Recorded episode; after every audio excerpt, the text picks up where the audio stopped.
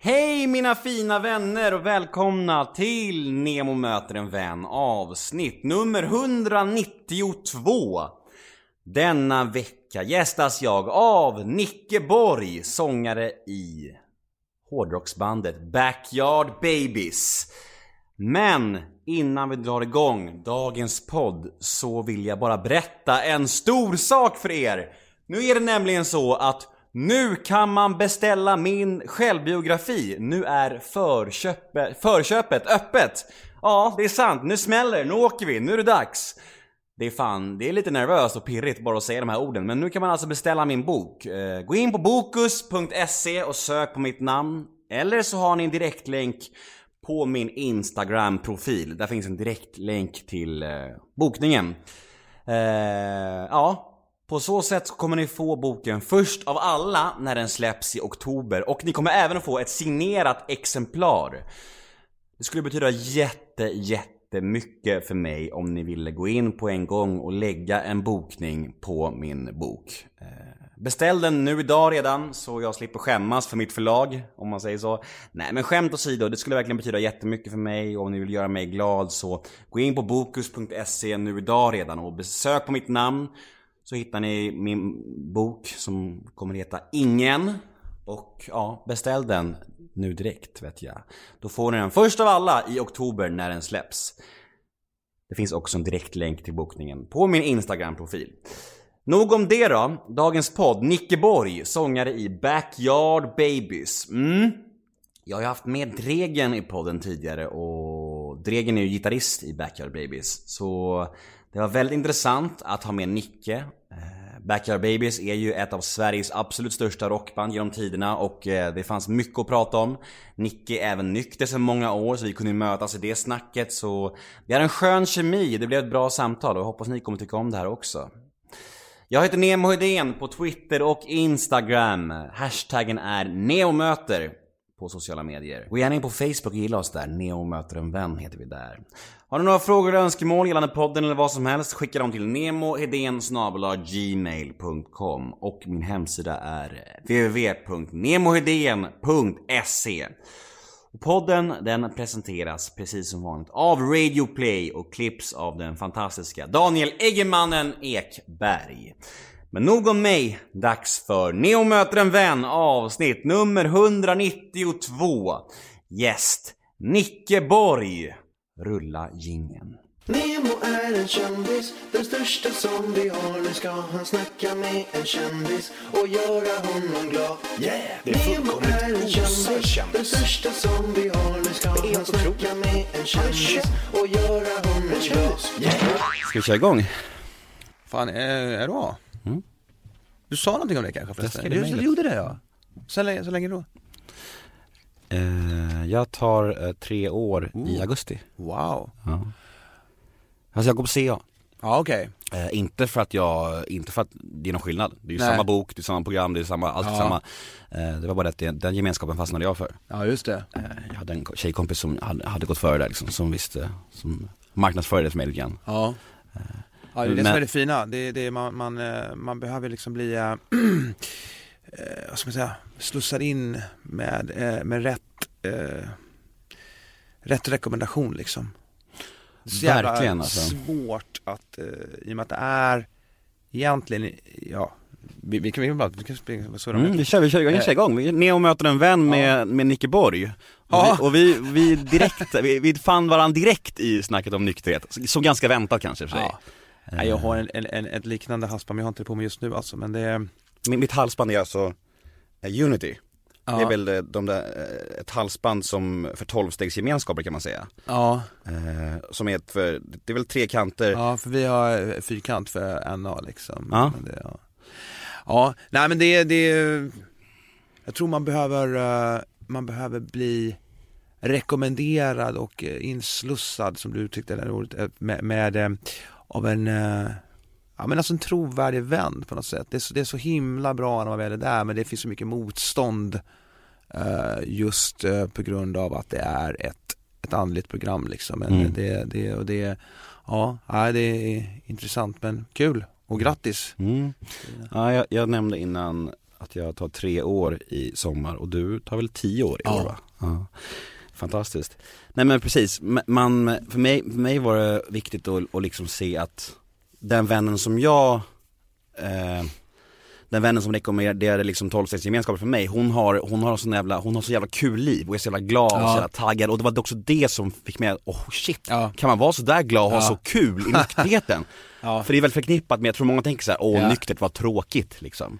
Hade det varit tråkigt att vara nykter och drogfri, då hade jag nog inte varit det liksom. Nej precis. Och det är, ju, eh, det är ju exakt det som är det största motståndet tror jag hos de flesta liksom eh, att eh, man är, man är livrädd för att eh, det roliga ska tas ifrån en. Mm. Det, det, här, det här gäller ju liksom nikotinister också.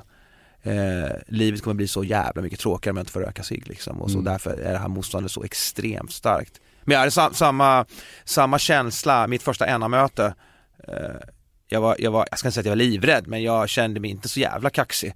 Eh, klev in i de här rummen med eh, jävligt eh, bland, blandat med män från olika liksom så här, ja, delar av samhället liksom. Mm. Jävligt coola, jävligt hårda, jävligt glada, jävligt tuffa, jävligt, hade någonting i ögonen allihopa. Jag bara, fuck. Och- de här, de här är nyktra och drogfria alltså, det är helt sjukt. Här vill jag vara. Mm. På den vägen är det. Nu har det gått tio år liksom, Mm. i augusti. Just det där med någonting i ögonen Ja. minns jag att det var det jag fastnade för också mycket. Där man såg en jävla gnista. Ja. Folk hade funnit någonting som jag inte hade liksom. Och jag bara jävlar. Antingen är de här påtända eller så har de verkligen hittat någonting. Precis. Så det var det jag tänkte. Det är ganska intressant med tanke på vad vi sitter och gör här nu liksom. Eh, Jag gör ju inte så ofta poddar liksom och jag, jag tycker det, är- jag, jag tyvärr hinner inte lyssna på så mycket poddar heller av, av olika anledningar. Jag borde göra mer. Det finns väldigt mycket bra har jag hört där ute och lyssnat på men eh, det handlar mycket om att snacka liksom va. Det, det, och, och en grej som jag tänkte på när jag eh, var på mitt första möte var folk var så jävla verbala.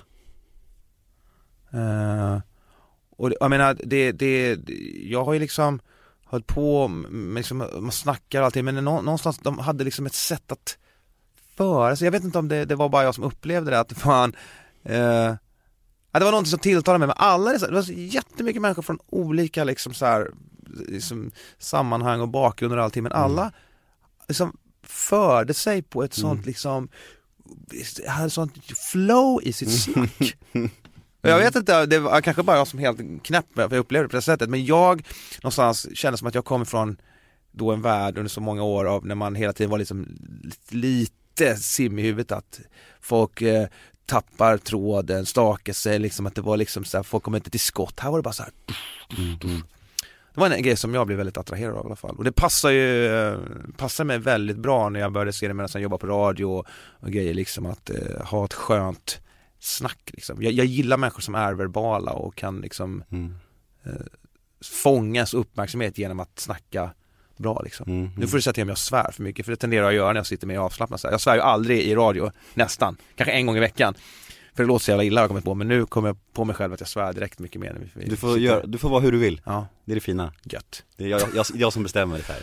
Ja, nej men, jag, men, det, men det, det, det är å andra sidan inte så, på tal om just eh, språk och, och att vara verbal, det är, inte så eh, nice att lyssna på någon som svär för mycket liksom. Så det, det, det, är så här, det låter lite fattigt. Mm, Så att säga. Vad heter det, vi kommer säkert återkomma till nykterhet Ja, och sånt där, gissningsvis. Antagligen. Det, är- ju så. Eh, vi sitter ju här på Bauer Media, eh, vår gemens, gemensamma arbetsgivare kan man Ja, säga. precis, exakt. Det är ju det är väldigt intressant. Och du jobbar ju på rockklassiker, hur länge har du gjort det? Uh, här, Rockklassiker har varit i, det är, jag tror det är fyra år nu, var det i maj. Ja, och sen var jag ju, eh, jag började min radiokarriär eh, på våra konkurrenter då, då. Eh, Bandit för, ja vad blir det sammanlagt, jag vet inte exakt, men det, jag var tre år där först tror jag ungefär. Och det var så, jag fick, jag fick chansen, eh, dåvarande programchef Mattias Arvidsson på MTG och Bandit eh, kallade upp mig till kontoret och frågade om jag ville göra radio och det här är liksom, var som att bara ja, äntligen fråga någon. Mm. För jag hade liksom haft det som någon sorts eh, Ja men liksom så här bucket list, jag, jag, vill, jag vill ha mitt eget radioprogram, jag vill testa att göra radio. Jag har alltid varit väldigt fascinerad av, återigen där och, eh, av, tv tycker jag är, eh, det, det, det, det framkallar en viss stress hos mig. det är förknippat med lite så här ängslighet och man blir väldigt så här, jag, jag, jag, och jag är ganska dålig på att eh, spela apa eller spela teater liksom. Jag, är mycket, jag känner mig mycket bekvämare i, eh, i att inte ha en kamera i facet. Mm. Jag romantiserar gärna också radio, eh, så här, lite vet en röst i natten så här, Mm. man, man sitter där bara, vet inte hur många som lyssnar riktigt liksom så här. Eh, Så att, nej, så det, var- det, var, så jag började med radio, så jag har hållit på då, i dryga sju år liksom. Det är ju någonting jävligt chill med både radio och, och podcast då. Det är ju det är jävligt otvingat på något sätt. Det här med att, alltså jag får ofta frågan så här, vill du inte ta podden till videoformat? Ja. Men, men många av mina gäster Mm. säger ju så här att de är ju med just i podden för att de kan dyka upp osminkade, Ja. sitta i mjukisar Ja. och skita i vilket liksom. Och det är det som är soft. Man Ja. kan vi kan sitta här hur som helst. Är Ja. som, I tv blir det så jäkla mycket mer direkt. Ja exakt, nej men det, jag, jag håller med, det är, det, det är, det är verkligen, eh, men alltså det, det är vissa gillar ju tv mycket, mycket bättre men jag som sagt är väldigt attraherad av, eh, av formatet radio. Mm. Jag tycker att det, det framkallar en annan känsla hos eh, lyssnaren än vad det gör hos tv-tittare liksom. Jag brukar alltid försöka hitta en koppling till mina gäster och vi har ju några stycken redan. Ja precis. Eh, Tolvstegsgemenskaper, vi har eh, eh, arbetsgivare och vi har en tredje, vi ska Jaha, se här om, okej. vi ska se här om du, om du kommer ihåg det här. Eh, min farsa är musiker och eh, han eh, lirade klaviatur i många år med först Stefan Sundström och Apart och sen Weeping Willows. Och han, du och han sprang ihop i Sölvesborg för några år sedan tror jag, när du var där och liva- lirade Living Home tror jag. Jaha. Och han lirade med ABBA tributeband. All right. jag tror jag vet, eh, det är sånt där gig som eh, tyvärr höll jag på att säga man inte glömmer men jag har för mig att det var någon jul, eh, Exakt. julbordshistoria eh, som var en, eh, nu behöver man inte gå in på detaljer för det är mest synd om arrangören så jag tror det var en eh, smärre katastrof rent bokningsmässigt. Eh, eller publikmässigt ska jag säga, Ja. bokningsmässigt fel. Men då har jag för mig att det var ett ABBA tributeband och då, då, då, Ja. var han- då var han med där alltså. Exakt, Ah. och han sa bara, jag snackade med honom, han var, jätte, han var jättetrevlig.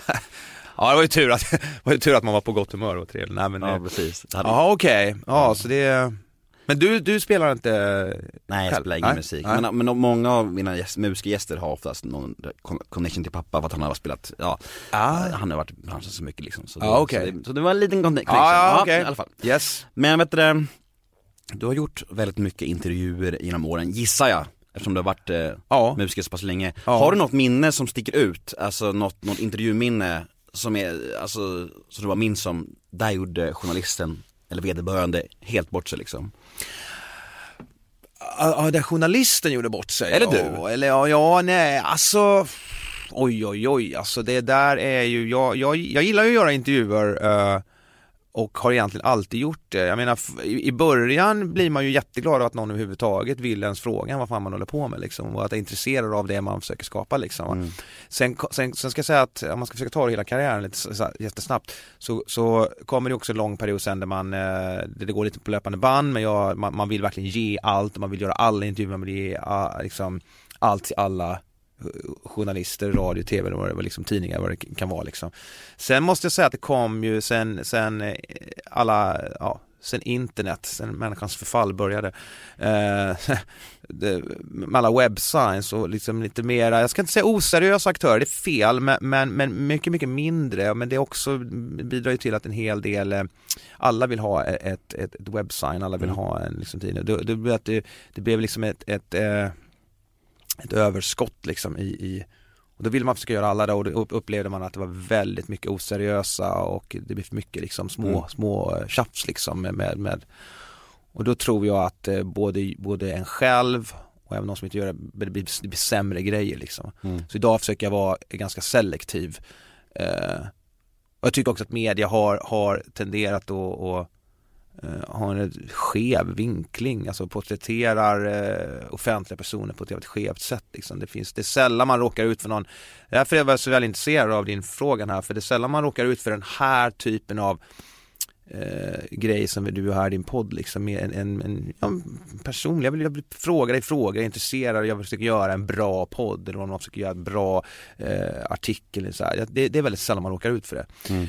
Eh, men för att återgå till din svåra, det, det är, jag tror inte att jag memorerar något som har varit eh, katastrofalt ifrån någon journalists sida men det är väl att man har eh, man har känt sig eh, faktiskt att personen i frågan är ute efter att sätta dit det på något sätt, eller Mm. att provocera fram någonting.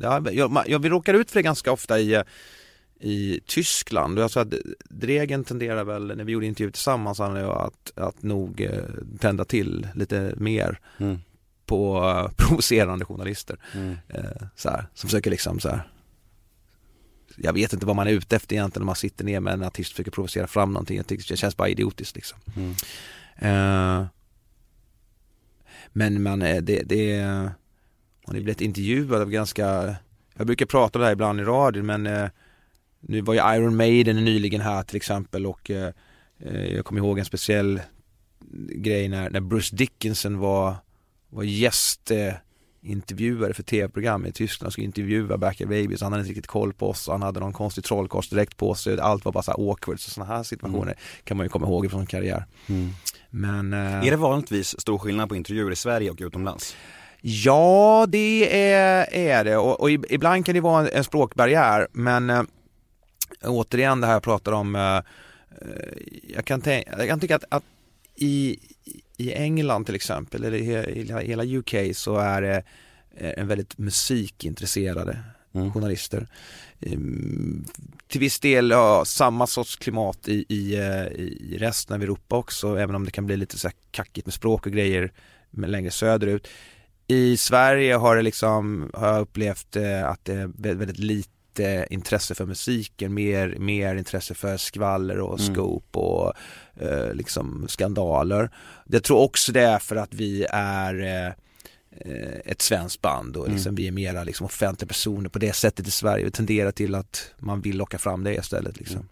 Men det är, det är en jävligt tråkig utveckling. Jag tycker liksom att eh, jag pratar ju gärna vitt och brett med en seriös eh, journalist till exempel om allt vi börjar till och med snacka om här om ja, allt mellan himmel och jord som rör mig om det finns ett intresse liksom. Men någonstans är, är man en musikjournalist och ska göra en intervju med mig för en musiktidning så bör man väl fokusera kanske då på och, eh, ja, vad man nu har gjort, om man har gjort en ny skiva eller musiken. Mm. Inte försöka få fram så här, "Åh, så är den värsta festen då. då. Bästa festen, sämsta festen. Kommer du fråga den nu? Jag frågar bara, vad är den bästa festen? Ja. Sämsta festen är, är bra, en bra Mm. fråga. Vad är den sämsta festen Mm. du varit på? Eh, nej men jag, jag, jag tycker om att blanda allt. Ja. Högt och lågt liksom. Eh, och sen så såklart att eftersom vi har gemensamma punkter så kommer vi prata en del om det. Men det är ju bara för att det ligger mig varmt Mm. om hjärtat. Mm. Så är det blir naturligt ja. så liksom. Precis. Ja men det, det, det är också, det är ja, intressant att du säger det för det, det, jag kan känna att en journalist som är passionerad i sina frågor och eh, man, man helt plötsligt har med som en, en dialog än att bara, bara svara på massa frågor. Det, det blir ofta så jävla mycket bättre. Mm, Det är jätteroligt liksom. Mm. Har du gjort några poddar innan? Eh, ja, det har jag gjort. Eh, eh, inte alls många. Jag har gjort eh, en som heter eh, Hästpodden tror jag. Mhm, Som naturligtvis då handlar om hästar och ridning. just det, ditt nyvunna intresse. Ja, Mm. eh, har jag gjort mer? Jag har, ja men jag har väl gjort någon sån här rockpodd, eh, några så här lite musikpoddar mer så. Mm. Men ingen längre personlig intervju? Nej, ingen, ingen längre så här personligen. Nej, men så då det, så. Du, är, du är faktiskt eh, utav de första. Bra, det var det jag ville höra. Hur ser dagarna ut annars nu då? Vad gör du? du har, kör du radio varje dag nu? Eh, ja, alltså jag, eh, varje förmiddag så hör man ju mig på, på rockklassiker. Mm. Fick du in det också? Ja, precis. Hur ser dagarna ut annars då? Vad, vad gör du liksom efter radion? Vad, vad gör du då på dagen? Är det Som, Ja, då, och i, eh, vi är ju inne i en ny fas med bandet, alltså vi, vi, vi, eh, vi har ju liksom precis signat nya kontrakt och vi har släppt en ny singel och nu ska vi liksom eh, peta ihop en ny platta. Eh, på, jag skakar på huvudet här, till, till, eh, den ska vara klar innan årsskiftet i princip liksom. Så att hela våren har, har jag väl i princip varit här och sen åker direkt till studion. Mm. Inte alla dagar men eh, tre dagar i veckan ungefär och jobbar med nya låtar och sen har vi då slipat på ett nytt setlist inför sommar och nu gör vi då liksom festivaler hela sommaren så nu är vi inte så mycket i studion, eller egentligen inte alls i studion. Så pratade jag med Dregen så sent som igår och sa att vi borde nog faktiskt ta eh, vi borde nog faktiskt ta lite ledigt i september för att eh, någonstans bara ladda batteriet. Man kan inte gå bara rakt in ifrån liksom sista giget, tack och hej, och så in i studion och bara tro att man ska kunna vara så pepp och kreativ. Alltså man är ju rätt slut. Mm.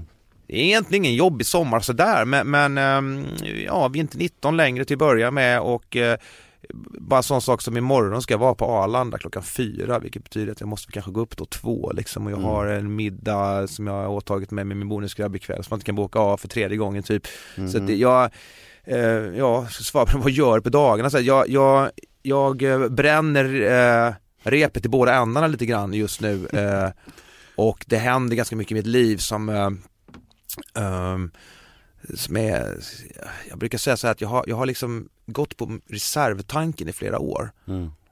Eh, och jag borde veta bättre då i och med att jag har eh, jag ska inte säga att det beror på att jag varit nykter men jag är ju i kontakt med väldigt många visa människor som har lång eh, tid av att hitta rätt både med, med, med, sin, sin nykterhet och rena tid men även med, med, med livet generellt liksom. Mm. Hur man arbetar med sin stress och ångest och sådär va. Men eh, det är uppenbarligen eh, lättare sagt än gjort alltså. Mm. Och jag tror att ju, ju mer man hamnar, eh, ska man säga, i någon sorts eh, spinn så är det svårt att stanna liksom. Mm. Eller, eller svårt att, att se vad man ska börja plocka bort liksom. Preaching, preaching to the choir kan jag säga. Det, det, Ja. alltså, det är verkligen så här igenkänning. Det är, alltså jag drömde ju om ett fullspäckat schema när jag var liksom aktiv i mitt missbruk Mm. och, och nu när jag har det så känner jag bara fan, jag vill ha lite lugn och Ja. ro också. Och jag vet inte vad jag ska plocka bort och det blir så jävla Nej. svårt, jag vill inte säga nej till någonting och, och, jag, och jag känner mig så otacksam att jag inte är glad över allt bra som händer. Att jag, jag borde känna mer Ja. lycka. Ja. Men jag börjar liksom ta slut. Det är så här svårt bara. Ja men det där, det, ja, det där är ju eh, exakt, eh, och herregud det skulle vi kunna göra typ tre separata poddar om känns det som nästan. Alltså, Ja. här. Men, men nej men det, och du har väl, eh, jag förstår att också att du har barn och grejer också? va? Ja, jag har en dotter på Ja. 14 månader. Ja just det. Så under våren nu har jag skrivit en bok på 220 sidor, Ja. själv då, Ja. inte spökskrivare, vill Nej. poängtera det. Ja. Eh, jag, har, jag är småbarnsfar, jag gör den här podden och liksom Ja. det är flera andra grejer också. Ja, just det är, alltså parallellt, så det är liksom, jag, jag senaste veckorna har jag så här mitt närminne börjar bli skevt, jag känner mig arg, jag kan, Ja. inte, jag kan inte sova. Det Ja. kommer så här små Ja. tendenser av utbrändhet liksom. Ja, nej men det där, och det är ju Läskigt som Det fan, har ju gått lite, vad ska jag säga, inflation i det här och det, det är ju väldigt många eh, som just är eller är på väg att bli utbrända och man har också, eh, i och med att det är så pass många så, så nästan så att man till slut nästan skäms för att säga det, det så här trendigt att vara Exakt. utbränd nästan va. Mm. Och det här och det är helt vansinnigt att det är på väg åt det hållet för att det är ju, det är och, och fortlöper att vara ett jätteproblem.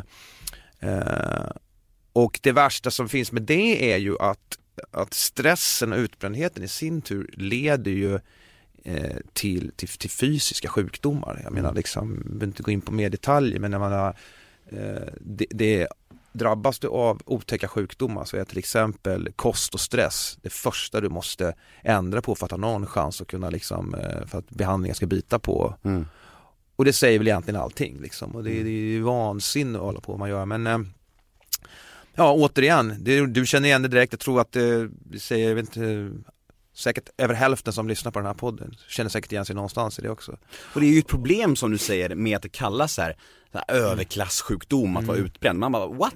Det är så här, liksom, jag blev, jag blev fan livrädd häromdagen när jag, jag bara så här, tänkte så här, Ja. vad har jag gjort idag? Och så mindes jag inte det. Ja, nej. jag bara, vad är det som händer Ja. här egentligen? Nej, Skitläskigt det, ju. det, det och, och jag, jag tenderar att bli så här övertrött också liksom, att, att jag är så trött så att jag, jag kör ganska mycket bil liksom och, och Mm. både, ja, till olika jobb till höger och vänster att jag, uh, förr kunde jag liksom så här, eh, ah shit jag börjar bli lite trött, Eh, jag känner att det kommer, jag, jag hinner så svänga in till någon mack eller, eller bara stanna på någon parkeringsficka och så här mikrosova liksom, eller så här, så här larmet på fem minuter eller tio minuter. Mm. Idag eh, eh, hinner jag inte ens känna så. Det, det bara det, det, det, bara, det bara blixtrar till. Jag märker att jag somnar till ibland. Så här, alltså, Mm. det, vet jag, det, det kommer så här. Eh, det är som någon verkligen trycker på en knapp. Fan vad läskigt. det är skitläbbigt alltså. Ja. Och eh, jag borde ju eh, och det går inte att säga riktigt när man sätter sig i bilen att du är så pass trött nu så det här kommer hända. Det går inte riktigt att säga i förväg. Utan det, är- det, är bara, är ett generellt tillstånd av, av att vara alltid eh, utmattad och trött liksom. Mm. Men du himlade lite med, eh, med ögonen när jag frågade, när du pratade om nya plattan. Är, Mm. det, är det så att den är svårjobbad eller?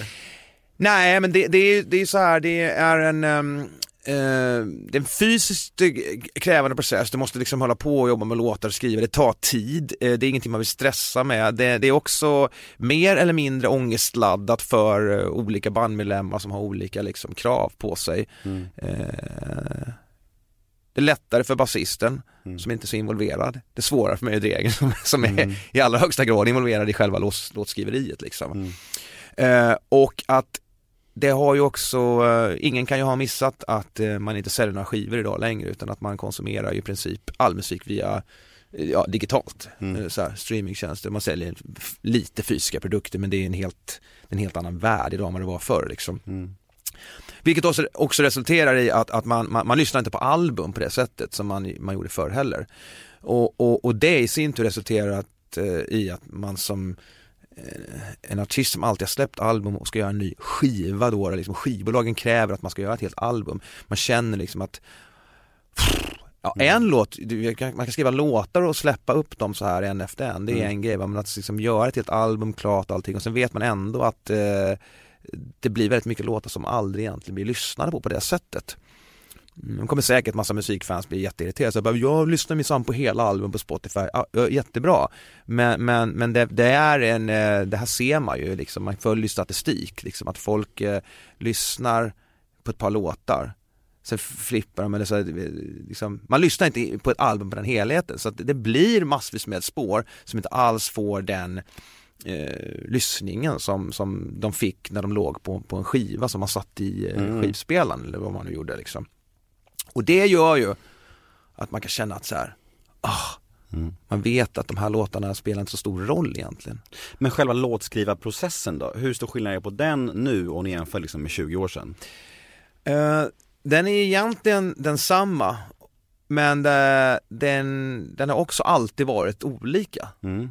Och idag är den väl, eh, jag har väl alltid varit kanske den, den mest drivande låtskrivarmotorn i bandet. Mer eller mindre under hela karriären. Från början skrev jag typ all musik nästan på den första plattan och sen så skrev jag nästan all musik på den förra plattan. Och så har det varit liksom, ja, fram och tillbaka lite olika. Men mest är det ju jag och Dregen som, som bollar de liksom slutliga idéerna. Ha, jag ska säga att eh, eh vi, vi, vi, är, vi tillför jävligt mycket bra grejer till varandras idéer. Mm.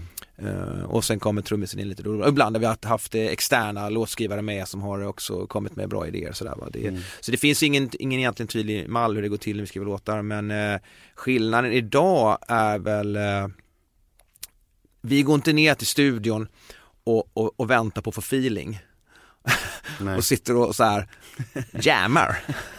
Utan, Nu eh, är, det, det- nu är vi jävla effektiva, Ja, det är det. ja, ja. faktiskt. Och det är ju, det här ska man egentligen inte um, Säga. heller prata om för förstör man den här illusionen som många rockfans Magin dör. Ja. Nej men det, det, det är andra sidan är ju, Nej, det det är här är ju, jag menar du kan titta på vilken musikdokumentär som helst. Jag var någon, såg någon, någon Metallica dokumentär om de senaste plattorna de har gjort att, att eh, ja, vad sa han?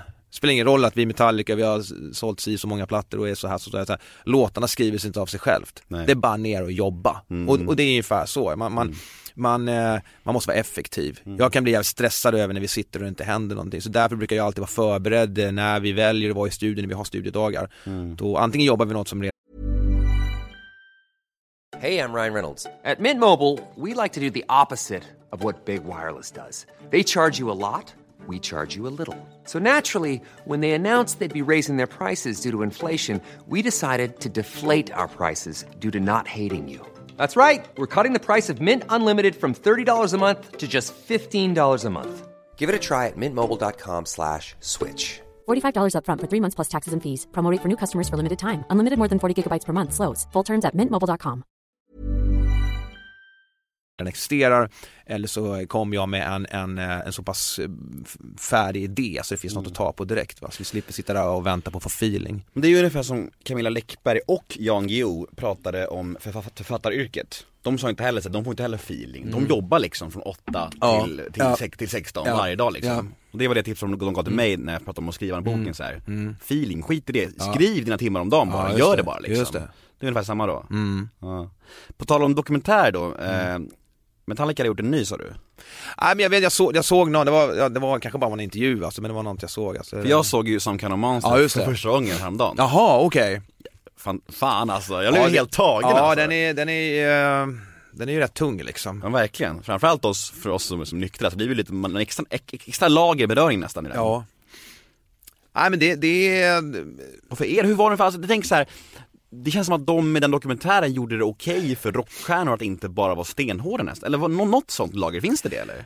Ja, och framförallt så är ju liksom, eh, nu är, är ju vi både stolta och glada att vi faktiskt har hållit på i hela 30 år nästa år med samma sättning, samma fyra jävla snorungar ifrån Nässjö som bara, som typ eh, gjorde slut med sina flickvänner samtidigt, tog sitt pick och pack och drog till Stockholm liksom och nu ska vi bli rockstjärnor liksom, nu ska vi göra karriär.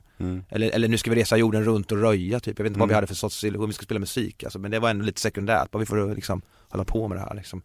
Och nu har det gått 30 år då nästa år va liksom. Och det, och vi, vi ligger ju till och med, vi hamnar på sådana listor i här Rolling Stone Magazine listar, eh, eh, eh, liksom, skiv, eh, eh, så här, recording artists still liksom, det är så här, same lineup over bla bla year, så hamnar ju vi högt upp på de här listorna liksom. Aldrig, alltid samma lineup liksom. Cool. Sen, sen eh, 89 där. Eh, och då menar jag, eh, är det ju liksom helt oundvikligt, det skulle vara helt sjukt om man inte gick igenom eh, dels personliga faser men även faser som i, i med relationer med varandra. Herregud, man är tonåring när man bildar bandet och sen sitter man här idag eh, 45 eh, Vissa är nyktra, andra är inte nyktra, vissa har barn, andra inte barn Vissa är gifta, andra är skilda flera gånger, alltså det, det och, och, och eh, sinnessjukt många resor i bagaget och gigs och eh, också många, många, många resor rent eh, personligen och som band. Så att eh, jag tror, ja, i, i viss mån, jag, jag kan vara, jag, jag är lite anti eh, psykologi eller, eller så här, terapi. Jag, jag har försökt många olika former ibland men jag har känt att jag inte hittar rätt och det är säkert min, min, mitt eget fel. Va? Men jag är osäker på vad det skulle leda till om vi i bandet skulle sitta ner och öppna upp oss för varandra och vet, sitta med någon, som någon sorts eh, äktenskapsterapeut liksom. Eller sådär. Fast det kanske skulle vara skitbra, jag har ingen aning alltså. Tänk om ni gjorde en svensk Monster. Ja, jo, alltså jag ska tala om för dig att det skulle nog, eh, och, och orkar man med det själv skulle det nog bli riktigt bra faktiskt. Ja, Man tänker att det finns en del osagt där Ja. skulle, ja. ja men det gör det, det, det och det, det är ju också för att eh, eh, man är ju sin, sin egen, eh, vad ska man säga, egoist liksom. Man, man, man, som artist har man ju någon sorts exhibitionistisk liksom, man, man, du vet, och, och, och det blir, och framförallt mellan då starka personligheter, starka frontmän, starka viljor som jag och Dregen till exempel kämpar med så blir det liksom en, en, en elektrisk balans som är fantastisk och jävligt drivande när, när, när den lirar liksom. Men, men, men väldigt krävande och dränerande när, när det inte lirar liksom. Eh, och det är ju eh, och, då, och som sagt, och det, och det ändrar ju då under hela livet, karriären, de här liksom känslorna. Så det gäller liksom att försöka parera, ibland går det bra, ibland går det inte bra. Hur, hur illa har liksom tjafsen varit? Alltså har det varit så här bara, fuck off, nu hörs vi aldrig mer? Ja det, det, ja, det har det ju varit, absolut. Och ja, men de som eh, har någon som helst kunskap i, i eh, eller ett intresse i våran historia och har följt Backyard Babies vet ju att 2010 ungefär där så bestämde vi oss för att eh, ta ett break, eller vi, jag ska säga att jag bestämde att vi skulle ta ett break. Vilket eh, landade naturligtvis eh, alldeles åt helvete hos de flesta i bandet. Eh, som inte alls var sugna på det. Men jag var ju tvungen att göra det, dels av- eh, personliga skäl, jag behövde ju liksom någonstans, eh, jag behövde göra en annan resa. Du var nynykter för, då? för jag var nynykter Ja. och jag, jag kände, jag tror inte vi hade suttit kanske så här. jag hade säkert fortsatt att eh, vara ny, eller jag, ska, jag, ska, jag, ska inte säga någonting, jag vet ingenting faktiskt, det, finns ingen anledning att säga det heller. Eh, det var en, en otroligt stark känsla av att jag måste få luft, jag måste, alltså bara, brr, måste bara stanna, paus, stäng av. Uh, och, och den första känslan var att jag skulle liksom bort från musikscenen helt och hållet. Jobba i kulisserna på ett annat sätt liksom. Och, liksom in på radio till exempel eller, eller jobba med något helt annat. Men, men det, det höll ju bara några månader, sen var jag ju tvungen att dra igång något soloprojekt sådär och sen skulle jag göra Melodifestivalen och allting och så var det ju ännu mer medialt snurr än vad det någonsin har varit med Backyard Babies i princip så att det blir väldigt motsägelsefullt men det var ändå känslan av att pausa det där liksom. va. Så, så, så där, där var ju en en ganska så jobbig period bandmässigt fast för mig personligen och jag vet ju att Dregen också fick ju chansen att göra jättemycket eh, grejer som han aldrig haft tid att göra. Sin, sin, sin självbiografi och, och sin skiva och sådär liksom va, Medan jag höll på med mina grejer så att. Men eh, och strax innan det breaket så var det väl liksom, det, det hängde ju i luften liksom va. Och, och, då, så då var det väl liksom inte så så trevlig stämning sådär va men eh, Vi kommer komma tillbaka till, till det. Egentligen så brukar jag alltid, jag brukar ha lite så här försnack och sen brukar jag ta det från början och nu har vi snackat så här Ja, vi bara kastas rakt in i det. Ja, men det är, det är lite härligt när det blir så här spontant om bara allt och ingenting. Men jag tycker att vi ska ta det lite från början. Yes. Eh, back to basic, back to scratch. Eh, vad säger man? Ta mig tillbaka till de småländska skogarna. Ja, precis. Nässjö. Ja, herregud alltså. Jag vet Hur, inte. hur, eh, hur minns du din barndom? Nej men det är ganska intressant. Jag, jag, jag pratade faktiskt med min exfru uh, bara för några timmar sedan uh, och pratade då om, om hennes son uh, som jag ska käka middag med ikväll. Min, min, jag säger fortfarande min bonusgrabb för det, han är min bonusgrabb fortfarande liksom, även att vi har separerat. Uh, just uh, om, om uh, tonårsproblem liksom va. Mm. Hon försöker bara se det som att han är en jobbig tonåring from time to time och så då berättar hon att hennes pappa hade gjort liksom en sex sidor, så här A4-sidor lång så här, bara lista efter lista efter lista efter lista som hennes eh, mamma hade visat henne häromdagen då på vad, hur, hur, hur jävla jobbig hon var egentligen som tonåring och liksom vad hon inte gjorde och hur, hur mycket hon, hur hon liksom höll på att krossa sina föräldrar och bara var jobbig tonåring. Och hon bara, "Ah, ja shit var det så här? Och då, då sa jag så här, fan vad sjukt alltså för jag kan, jag kan verkligen inte eh, komma ihåg att jag var en sån där klassiskt typisk skitjobbig tonåring. Eh, jag ska inte säga att jag var from som ett lamm, men, eh, jag var inte så jävla jobbig. Jag var ganska duktig i skolan och sen beslutade jag mig för att hoppa av gymnasiet och sen så var det bara musiken som gällde fullt ut. Sen tog jag kanske igen att, att vara eh, ett, problembarn eller vad fan som helst med råge eh, i, i övre tonåren, men då hade jag redan flyttat liksom från våran liksom Back Babies var igång och så vidare sådär. Så att jag minns egentligen själva liksom den, verkligen första första tiden, växte, växte upp i Nässjö som otroligt eh, harmonisk, spelade basket, ganska bra i skolan. Var en lycklig familj? Ja, ja, ja jättebra. Vi åkte, mina föräldrar tog med mig på, och min syrra på, eh, vi åkte mycket skidor. De, de gav ju mig mitt enorma liksom, eh, skidintresse liksom. Jag försöker ju så fort jag får en ledig helg, jag försöker sticka upp till år och åka skidor och sådana här grejer liksom. Som jag plockade upp efter, jag hade ju en lång, lång, lång paus, jag inte åkte skidor.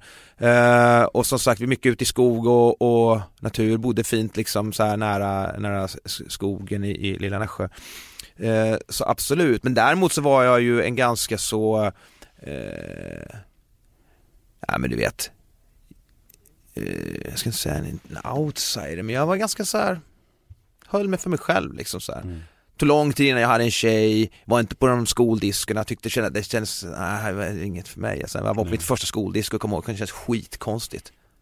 Det här är ju inte alls kul. ja, sådär. Eh, Hur kom, och så eh, träffade jag ju liksom, eh, så träffade jag ju Dregen, Johan och Peder och hade, vi, vi träffades genom en gemensam vän som eh, jag kände liksom, vi började när jag fattade tycke för hårdrocken liksom så möttes vi där liksom så. Ja, du ska följa med mig, jag känner ett på hårdrockare liksom, bara, ja, coolt. Så ni var typ så här ihopsatta som band då bara? Alltså Peder och Johan Dregen spelade redan tillsammans och det här, här, är, här är ganska intressant, det står ju om det här i någon, någon bok men det, här, det, det, första mötet skedde ju på det sättet att de hade ett band med en sångare då, då istället eh, som heter Tyrant och de hade fått ett gig på fria timmen eller så här, så här sällskapstimme man har i skolan som råkade infinnas, den var väl klockan åtta på morgonen och då hade de fått lov att köra ett gig i matsalen Eh, det fanns två gymnasieskolor på den tiden. Eh, nej förlåt, eh, alltså hö högstadie menar jag naturligtvis. Eh, I Nässjö, den ena är nedlagd nu. Och då eh, hade de gig klockan åtta, typ en tisdag i matsalen. Eh, Tyrant med, med rökmaskin och ljus, fyra stycken blinkande lampor. Det var värsta, nu jävlar är det hårdrocksshow liksom. Och alla var ju obligatorisk närvaro så alla, hela skolan var ju tvungen att vara på den här samlingstimmen på morgonen liksom. Så det var ju fullt. Fint alltså. Ja, och då eh, fick jag ju nys om det här, eller min kompis sa bara, bara vi skolkar! Så då skolkade jag morgontimmen på min, mitt högstadie liksom och gick och tittade på det här gigget, smet in där i matsalen liksom. Fick ju inte vara på varandra skolor. står längst bak och så blir jag, så presenterar han mig för bandet och så bara, ja ah, coolt. Och så möttes vi i deras replokal sen på kvällen och på den vägen är det. Vad hände med Tyrant?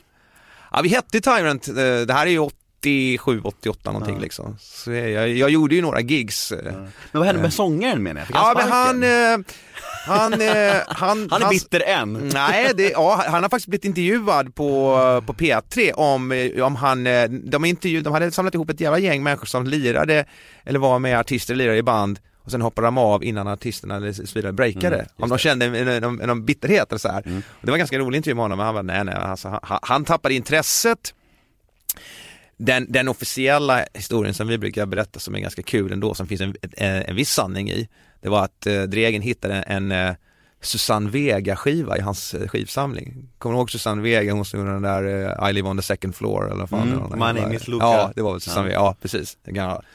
Och bara, vad fan är det här?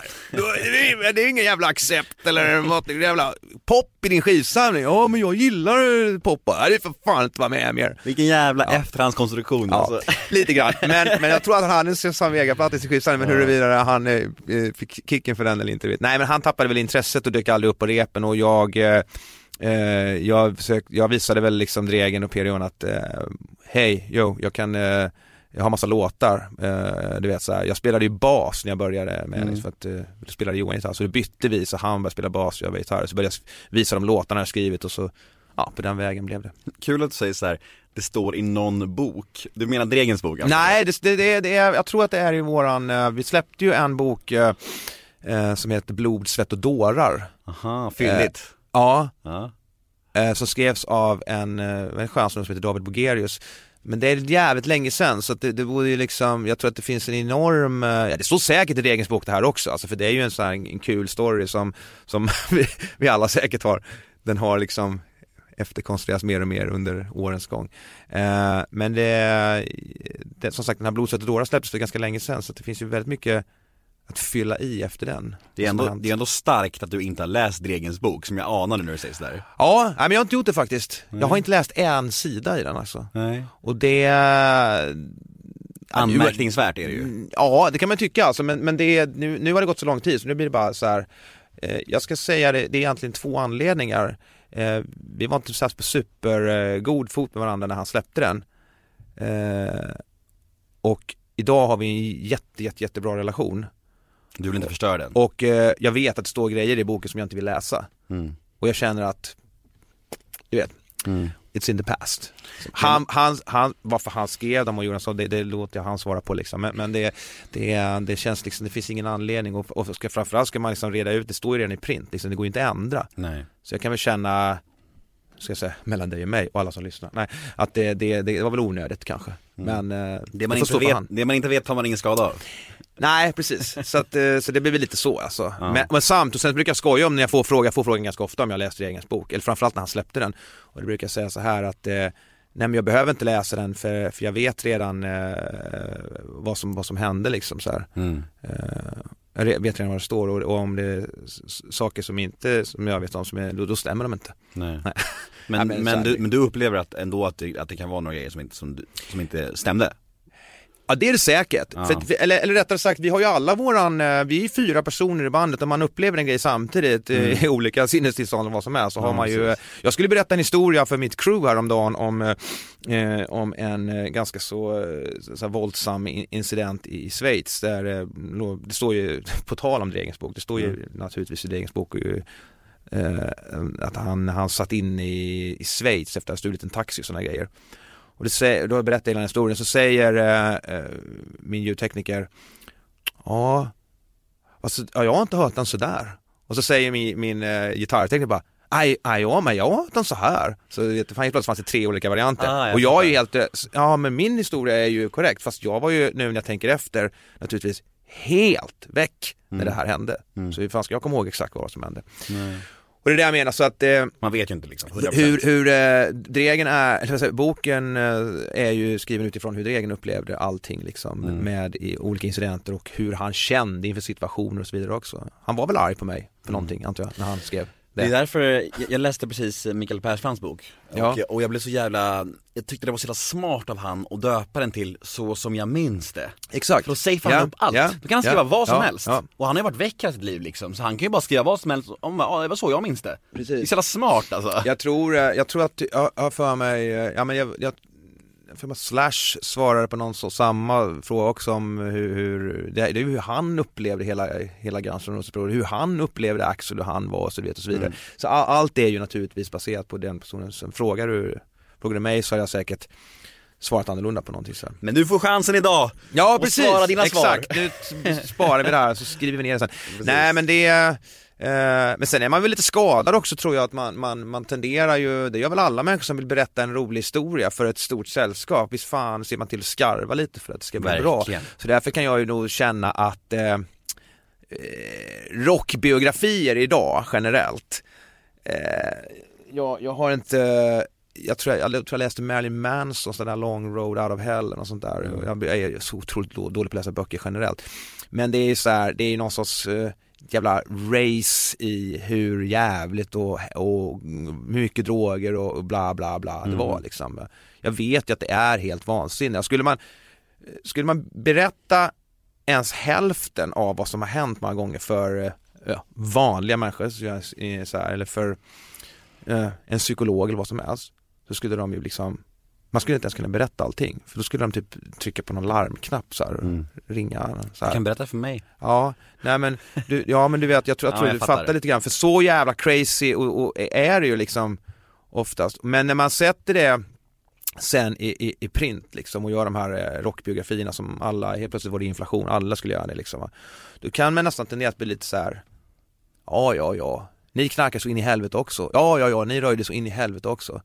Vet, man, har redan, man har redan läst om eh, Led Zeppelin och Rolling Stones, man vet redan att de var värst liksom, så allt annat blir bara en stor liksom, inklusive mig själv också. Jag skulle bli jättetrött på mig själv om jag bara skulle sitta och rabbla eh, War stories Ja, war stories, precis. För de är oändliga. Och de är fan så, så, så galna så jag knappt vågar ens eh, liksom, återberätta dem. Så du har inget behov alls av att skriva en självbiografi? Jo, men många är ju på mig om det och framförallt det är ju väldigt många som har, vilka, verkligen så här försöker påverka mig att, att ta tag i det eh, av, eh, i lite ett annat syfte. Att på, eh, att eh, influera eh, ja, ja, alla som vill bli, bli, läsa och finna ett intresse av att läsa om det, eh, vä vägen ur ett missbruk, att, att eh, fortsätta med sin karriär, att till och med få karriären att eh, ta andra vändningar, lyfta, eh, hu- hur man navigerar i livet generellt efter att i princip har, har börjat hela sitt vuxna liv på scenen med ett eh, till viss del eh, dysfunktionellt jävla rockband och, och, och missat hela den här grejen som alla andra människor sysslar med och s- skaffa jobb och stadga sig och barn och radhus och så vidare eller vad det nu blir liksom va. Eh, Och så ska man försöka ta tillbaks en del av det så det finns eh, där känner jag mig ganska mycket mer intresserad av att eh, dela med mig av. Jag, jag gör ju en del, eh, jag ska inte säga föreläsningar för det, det skulle jag vilja göra men jag är, jag är, jag är lite för, eh, jag känner mig lite för, um, vad ska man säga, grön än så länge. Jag skulle behöva träna på det faktiskt. Men jag gör en del eh, så här, konvent där man eh, talar och pratar om, ja, det, det är ju baserat på nykterhet och drogfrihet men det blev även ganska mycket bara snack om livet. Typ Och då- 12-stegskonvent typ? Ja precis och lite mera så här. och då är de lite som, som vi gör nu, då sitter, har jag som en moderator som sitter och, eh, och intervjupratar med mig och vissa frågor är lite förberedda, andra inte alls va? och så, har, så, är, så är det en publik då liksom. Va? Man sitter två, precis som vi sitter här i varsin eh, fåtölj liksom på en scen. Och det kan jag tycka är skitroligt och väldigt givande. För mig själv och eh, jag har bara fått superhärlig så här, positiv feedback från publiken som ser de här grejerna liksom. Jag tycker du borde föreläsa, det är, det är Ja, jag fett vet. som fan alltså. Jag vet. Jag har föreläst, jag tror jag har gjort 15 föreläsningar på senaste två åren Och det var lite såhär fake it till you make it, för jag satt här i podden och sa att jag föreläste, och då hade inte jag föreläst någonting Okej, det är så jag, man, ja. men det var så jag gjorde för att, för att få gig liksom. Just det här var det. min kanal. Ja. Och då var det en, en, en rektor som, som hörde av sig och bara, men du får gärna komma till, vår, till vår, vårt gymnasium. Så åkte jag dit, nervös som en galning och bara drog min historia, lite på uppstuds och det gick hur bra som helst. Fan vad coolt. Ja, ja men jag vet inte hur jag vågade, fråga mig inte, det var otroligt alltså. Nej men inspirerande att du säger det, för det är precis där jag är liksom. Jag, jag, jag, är, jag är lite för trött, lite för busy, jag känner mig lite, jag är också så här, jag, jag vill vara så jävla förberedd hela tiden va liksom. Jag, jag, eh, och, och ehm, Ja, jag, jag, ska faktiskt i ärlighetens namn säga, jag vet inte varför jag har ett sånt motstånd till det. Nej men nu ska jag, fan ta tag i det. jag, jag träffat till och med personer som ska guida mig till det här liksom, Mm. och ändå så och nu har han mejlat han häromdagen och bara, ska vi inte ta lunch nu och snacka vidare om det här vi pratar om bara Så jag har skrivit upp mig bara, lunch med Anders mm. Här kommer den sista avgörande knuffen i ryggen. Ja, från mig. härligt, fan Vi, Kanske men blir vi... mitt sommarprojekt alltså, Ja. fila på en, en föreläsning Ja, precis. Välkommen till Däckteam! Nya däck. Ah, här! Rätt däck! Och där! Snyggt! Ha! Ja! Där satt den! Easy peasy! Välj däck från Bridgestone. Full kontroll även när det spöregnar. Däckteam, vet vilka däck du behöver. Betalkort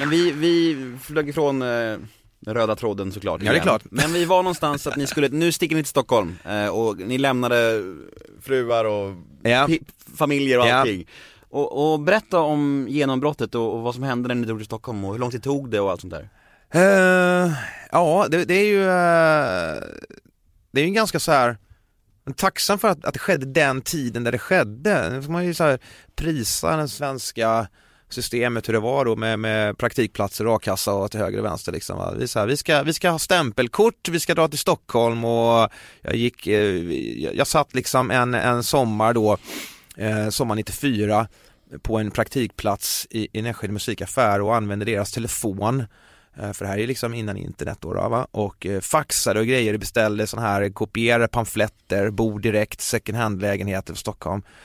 Eh, vad höll jag på med? Jag har ingen aning om vad jag gör liksom. Hur gammal var du? Ja men det frågar mig inte, men jag hade ju etta i matte alltså, det här var ju 94, Mm. så jag backa. Men hur gammal var du då? Ja men jag vet inte, Ja, nu, vad fan, du får räkna, 94, när är du född? eh, 73, Ja men 21 ja 21, du ser. Nu blir det matte. Ja, tillräckligt ja. Eh, så, så, ja så i alla fall så, nu? så, så, eh, jo men, du vet, vad gör jag för någonting? Så här, jag Ja. ringer på massa lägenheter, mm. Stockholm och, och håller på och, va, vi, vi, vi måste dra till Stockholm.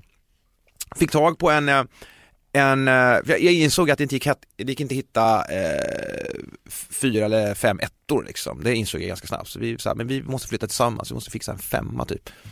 Eh, och jag fick tag på en femma, åkte upp till Stockholm själv, träffade den här familjen som skulle hyra ut sin femma i Sundbyberg second hand liksom. Tog, tog ringen ur öronen och köpte någon så här kavaj på Uff på vägen dit liksom och bara satte upp håret och var så här superställ. Ja, jag och mina kollegor va, vi ska dra till med några stockholmska så här, ska och de bara för jävla weird. Ja, men ja, får vi se lägg typ? Jag bara, ja, ja, ja absolut här. Inte mycket krav alltså, Nej. lägg räcker Ja, så skrev på något sånt här eh, besittningspapper att man inte har rätt till, eh, till lägenheten efter x antal Mm. år eller vad det nu är man, man gör. Eh, vi fick, fick den här lägenheten, hyra i andra hand. Bara ringer grabbarna, nu fan, jag har fixat lägenhet, nu flyttar vi. Och så gjorde alla det liksom då och gjorde slut med sina flickvänner, det här är ju helt sant. Och eh, drog sommar 94, kom upp till Stockholm, bodde i en femma i Sundbyberg, gick ner till arbetsförmedlingen där.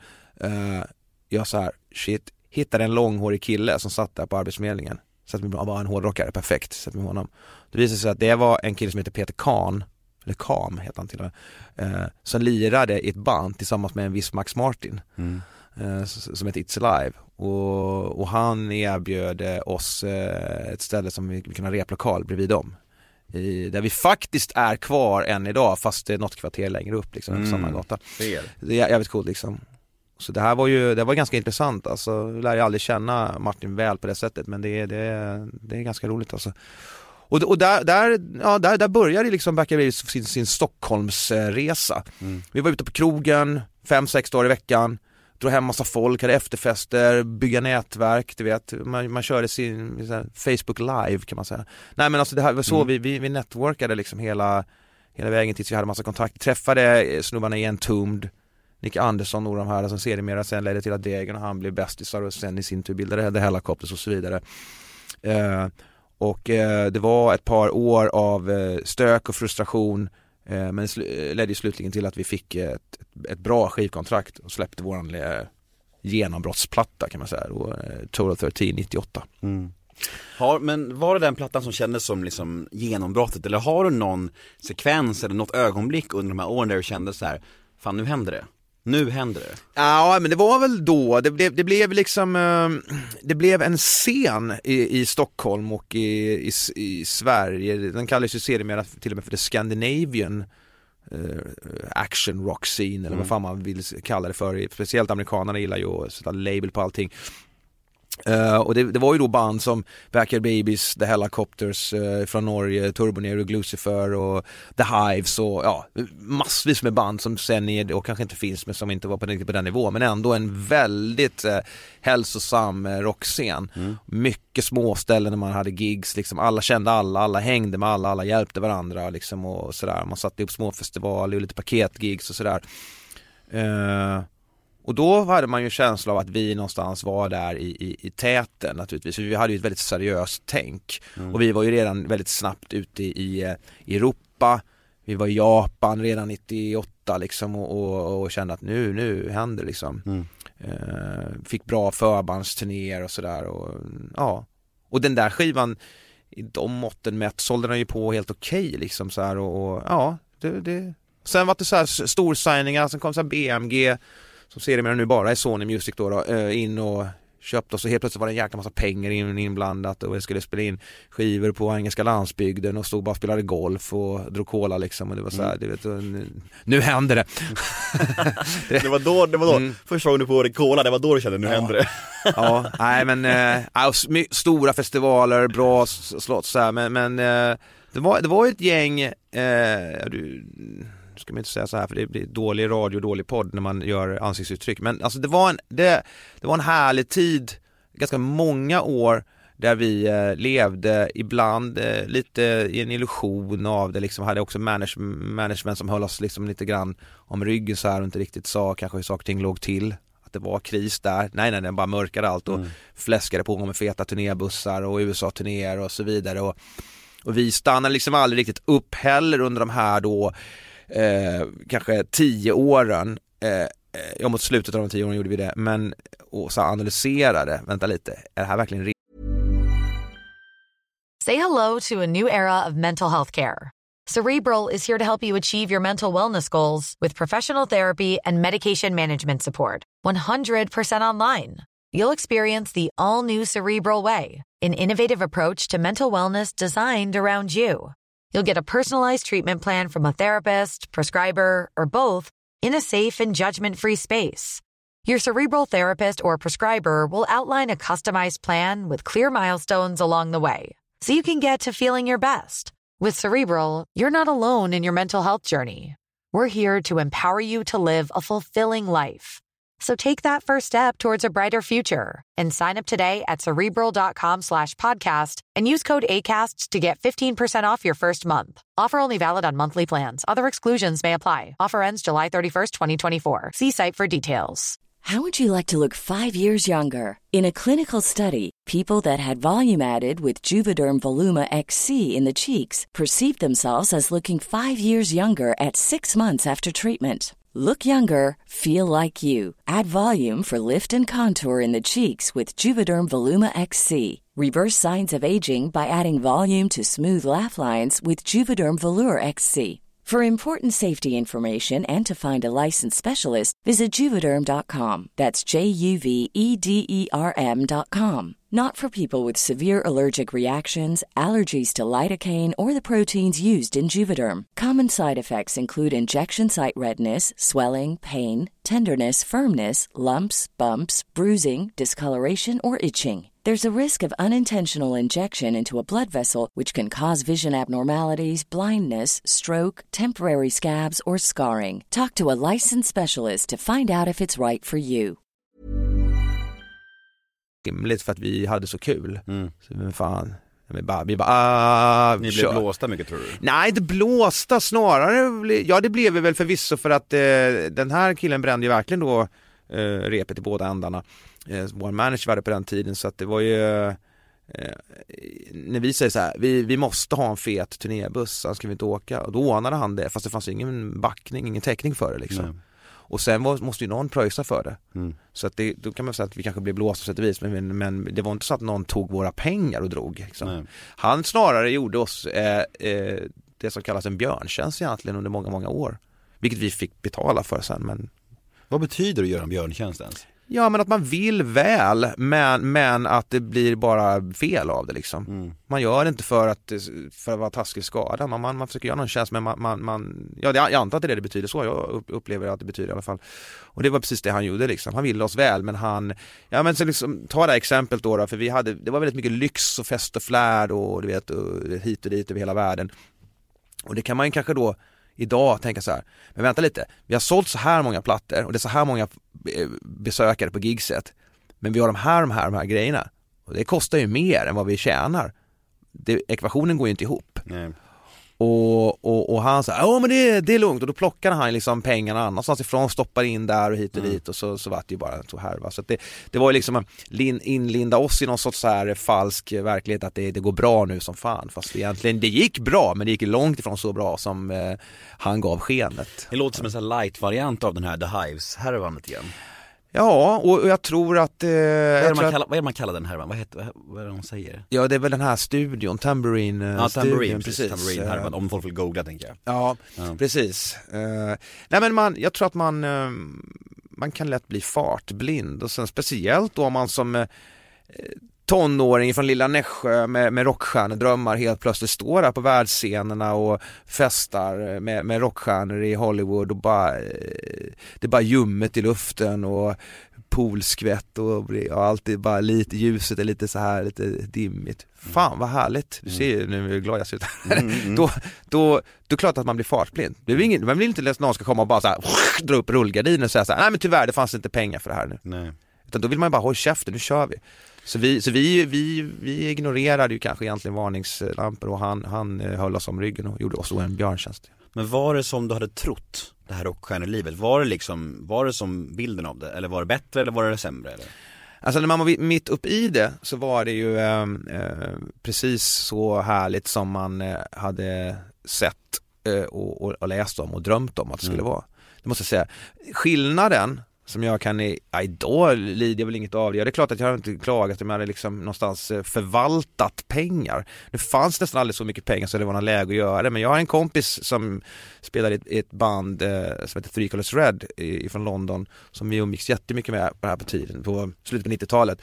Och de, eh, de var lite som Backyard Babies, breakade i England sådär va? men de, de, de, de signade på ett Sony-bolag eh, runt 98 där och fick ett, ett hiskligt stort förskott pengar. Vi fick också ganska stora förskott i, from time to time.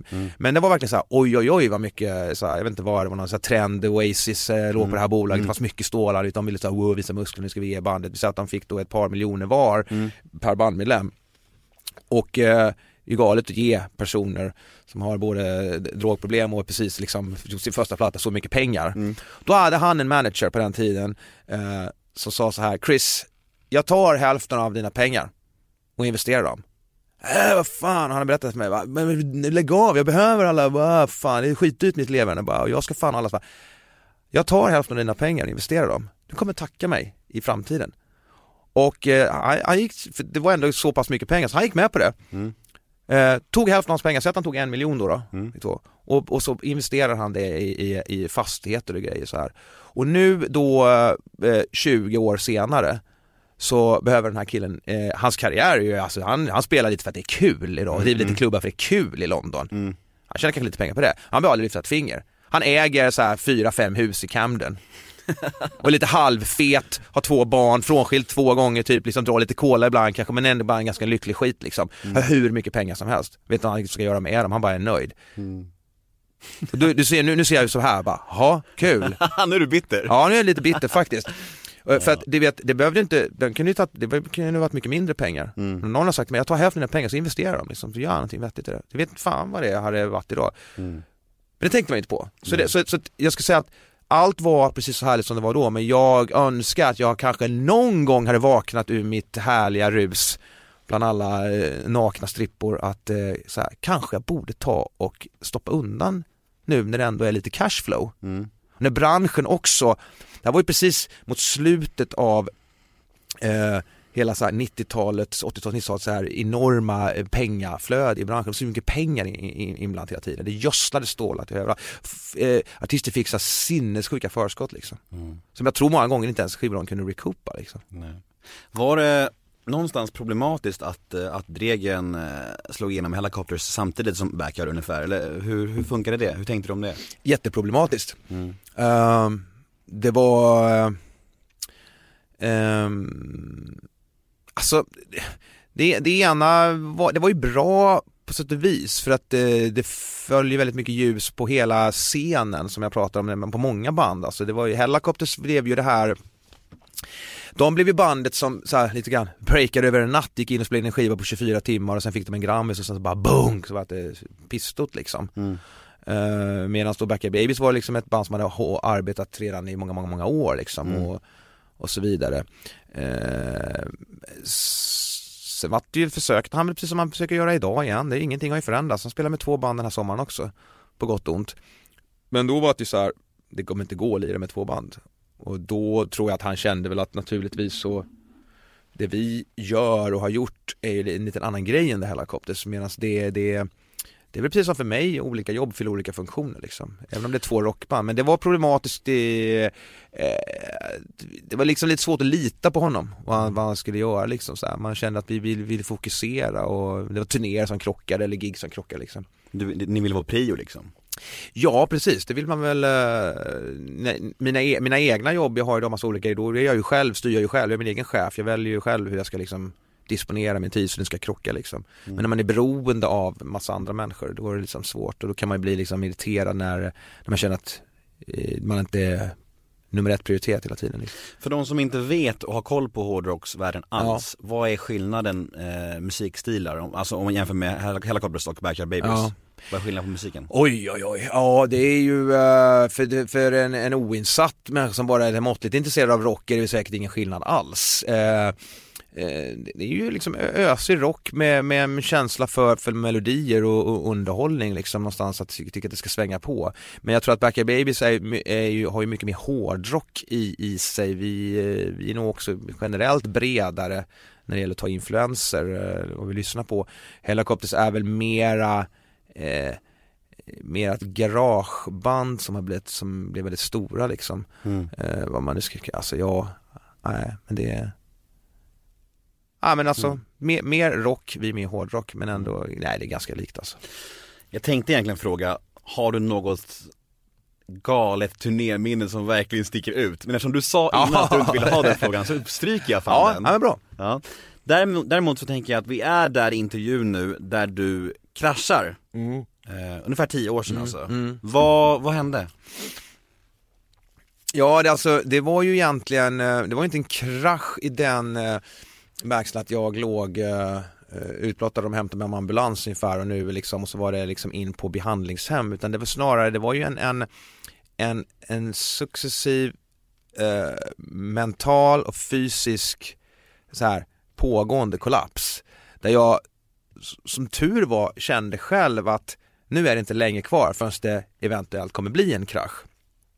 Och jag hann liksom parera detta, jag hade precis träffat min exfru, det var, det var, det var massa eh, saker och ting som uppenbarade sig att det jag höll på med var ju fan helt jävla onormalt.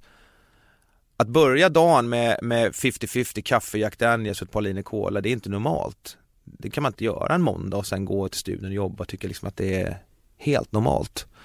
Uh, eller vad man nu gör liksom. Eh, och den, det, hela livsstilen generellt, liksom att se ut som man gjorde, liksom att man, att man extremt konstigt, sova var tredje dag och så vidare liksom. Personlig hygien, bara vad fan, du vet, nu har du inte borstat tänderna på tre dagar, det luktar fan skit liksom, det här går inte. Det, alltså så här pundar eh, grej liksom. När jag insåg det, när jag liksom så förstod att jag faktiskt höll på att bli en, en, en, liksom en riktig jävla pundare liksom. Fastän att jag upprätthöll något sorts liksom face utåt för att jag var ju ändå aktiv eh, på scenen och vi fick bra kritik och jag skrev ju låtar och sådär. Jag, jag var minsann först i studion och städade innan alla andra. I wonder why. Ja, du vet. Då, eh, då hjälpte hon ju mig eh, och framförallt var för att hon hade en, en son också liksom. Han var ju fyra år då ungefär tror jag. Så han också bara så här, typ tittar på mig liksom att han, du verkar inte vara all there liksom. Nej. Jävla jobbig känsla att få liksom så här, en, en, blick av en fyraåring att som är så här, den är väldigt rättvis och den är väldigt dömande liksom. Mm. Att det, det, jag tror att jag skulle typ läsa någon jävla Bamse-tidning eller någonting för honom och jag bara så här, du vet jag, jag såg fan inte vad det stod liksom. Mm. Det var Skalman hit och Skalman dit liksom och så bara, det här går inte. Hopplöst, en grej måste bort ur mitt liv om jag, vill- om jag vill liksom fortsätta, för jag var verkligen så här, jag, den, de där två personerna, min exfru och hennes son, de var liksom uff, bety- betydde allting liksom. Så det var, det var ett jä- jätteenkelt val, drogerna och alkoholen måste bort liksom. Mm. Och plus att jag jag tror du kanske kan känna det också, att jag var så jävla trött på mig själv. Jag var så trött på mina, min förmåga att aldrig slutföra alla mina projekt. Jag tyckte, ja, det är säkert många idag, var- det var så här genialiska idéer, allt från låtar till, till massa andra idéer eh, som jag ville göra. Men allt bara stannade vid någon sorts liksom halvdant projekt och sen så bara så här, rann det ut i, i någon sorts fylla eller någon sån droghelg eller vad det nu var liksom. Mm. Och jag var så sjukt trött på det. Och det var liksom det första jag gjorde när jag var nykter var liksom att, att börja så här sy ihop, eh, eh, knyta ihop säcken i olika projekt som jag hade så här någonstans liggande lite flytande. Mm, Sen även om de inte blev någonting av, det kanske inte ens var bra grejer, det spelar ingen roll. Det var liksom känslan av att Fullfölja. slutföra och fullfölja. Mm, nej, men jag kan relatera My- verkligen. Ja, mycket Eh, coolt liksom. Hur var det, var det många, eller var det folk i bandet och skivbolagsmänniskor, var det någon annan som så här sa till eller, alltså, eller var det bara liksom klappade de medhårs? I, om du frågar folk idag så eh, har ju säkert alla, precis som vi pratade om tidigare, en, en, en uppfattning om hur det var och hur jag var och hur all, alla egentligen var liksom. va. Och vissa människor har ju inte ändrat sig kanske någonting idag. Det, det finns ju, eller folk har gått under helt och så vidare va. Men jag tror att eh, man tyckte nog att jag var en, en, eh, en jobbjävel å ena sidan. Men att jag aldrig riktigt fuckade upp. Så att det fanns inte någonting konkret att ta på. Men att jag var som en halvjobbig jävel hela tiden. Men i och med att jag då, som jag sa, då, skrev låtar och jag presterade alltid på scenen, levererade, jag fuckade aldrig upp liksom. Alltså det, det var, det var så man bara, ja ja ja, du vet. Och så man gick väl därifrån, man åkade väl inte med mig typ liksom, men, men man sa aldrig till. Men jag tror inte det hade hjälpt, för det tror jag de flesta kan eh, vittna om att eh, man är mottaglig för den här typen av kritik bara vid ett enda tillfälle. Eh, och är det, och är det tidigare än det tillfället så, är, så bara går det över huvudet eller så ignorerar man det eller så, så blir man jätteaggressiv. Mm. Eller så blir det tvärtom effekt, man bara super och Ja, knarkar mer. ja, jag har koll. Ja. Jag, du har ingen aning liksom. Jag, Ja. jag, ja, visst, jag knarkar men jag kan kontrollera det. Mm. Vet. Ja, Men det är det som är alltså, nästan det läskigaste med just beroendesjukdomen och, och sådär och hela grejen att det enda som är knepigare än att vara beroende är nog att vara en anhörig alltså. Ja. Hur fan man ska förhålla sig, Ja. det är så jävla Absolut. svårt alltså. Det, För det, är som här, det finns ju ingen, alltså jättemånga som mejlar mig så här, hur ska jag göra, min, min, min bror knarkar, min Mm. kompis håller på att supa ihjäl sig Jag har inga kloka svar, det är. För det är, så- jag tänker lite tough love kanske, Ja. för att för om du säger så här, om du är stenhård, visst, det är ju bra att markera, Mm. en konsekvens är ju bra, men samtidigt, det finns väldigt många som bara reagerar tvärtom då ja. Och däremot om du klappar en människa medhårs som super knarkar, det är heller inte rätt Mm. Så har du något klokt svar på det? Ja, det, det, ja men det, det är exakt som du säger och jag får lite eh, chills här för att jag tänker på lite olika situationer som har hänt mig de senaste åren. eh, och det är allt då, kan jag säga, från himmel till helvete. Jag har, jag ska inte nämna några namn naturligtvis, men folk kommer till mig också och eh, ber om hjälp, li, lite trevande, lite försiktigt och lite så här. eh, jag skulle bara vilja ta en fika och höra hur, hur, hur du gjorde. Jag funderar nämligen på bara, jag bara vet, jag svarar alltid på när jag får de här grejerna bara, "Ja, vi syns imorgon, eller vi syns ikväll. Mhm. Alltså du vet, inte så här vi syns om ett par veckor för då, alltså, nu syns vi nu. Mm. Och jag har gjort det varenda gång det händer och, och, och oftast blir det så himla bra. Alltså jag har liksom eh, en person som idag då eh, lever nykter sedan flera år tillbaks och, och vi har faktiskt eh, tog den fikan eh, skakig, svettig, nervös, kaffe. Jag tog med honom på några möten. Och då är det bara, jag blir bara glad. Det är bara skicka hjärtan på Facebook varje gång jag ser någon härlig, eh, glad uppdatering och så vidare. Det är så Mm. jävla fint. Känna att man, att man någonstans var där i, i ett tidigt skede och sa och egentligen gjorde jag precis det som vi, vi Ska gör. göra, ja. Jag bara delade med mig av mina erfarenheter. Mm. Steg 12. Inga pekpinnar, inga, inga, inga liksom, inga, inga tydliga egentligen heller tips och råd utan bara dela med mig från hur, hur jag gjorde det. För få folk att bara, aha. Och kanske då som jag upplevde det när jag gick in med att jag kanske hade ett, ett lyster, ett ljus. Man blir lite lätt så här uppeldad och engagerad och glad liksom och passionerad. Så nu har jag gjort precis samma sak. Eh, och de personerna lever inte idag. Så att det går omöjligtvis, eh, och då kan jag bara backa då till precis vad jag sa. Antingen så var det ett för tidigt skede, personen var eh, inte mottaglig eller, eh, för det handlar ju om att du måste ju i slutändan ha en, en så pass stark vilja själv. Du måste ju vilja bli hjälpt. Eh, du måste vilja förändra dig och du måste framförallt eh, kapitulera inför att du har ett problem. Eh, där är det, det det svåraste och det första som måste ske. I, i, ibland lyckas man sitta med en person och, eh, och, och kanske då få den personen att känna den känslan genom att bara prata. I annat fall så går det inte liksom. Och det får, man, det får man ju aldrig, aldrig ta på sig. Jag har tänkt jättemånga gånger på den här personen som inte lever längre. Eh, och det är säkert fler också men alltså gjo- Gjorde jag något fel? Kunde jag gjort annorlunda den gången vi satt där? Den gången personen satt hemma hos mig och grät i, i soffan och, och, och kunde jag gjort annorlunda liksom? Och jag vet inte. Jag tror jag vet vem det är. Ja, det, och det, det är ju, ja, vad ska man säga? Det, det är lätt att gå in i skuld där Ja, tänka, men det, det, det, det, var, det var ganska lång tid, det var säkert ett par år minst eh, innan det, det tragiska hände liksom va, men det blev ju aldrig Mm. bra liksom. Eh, Tog du någon slags, eh, ja du, du gick direkt till ett möte då, det var ingen behandlingshem och så nej? Ja, jag gick på en, eh, jag hade en, en, eh, en, eh, privat beroendeterapeut Mm. liksom, för vi jag var i kontakt med nämndemansgården då, då Mm. och då kom vi fram till att jag skulle träffa en, en beroendeterapeut i, i Stockholm och det gjorde jag.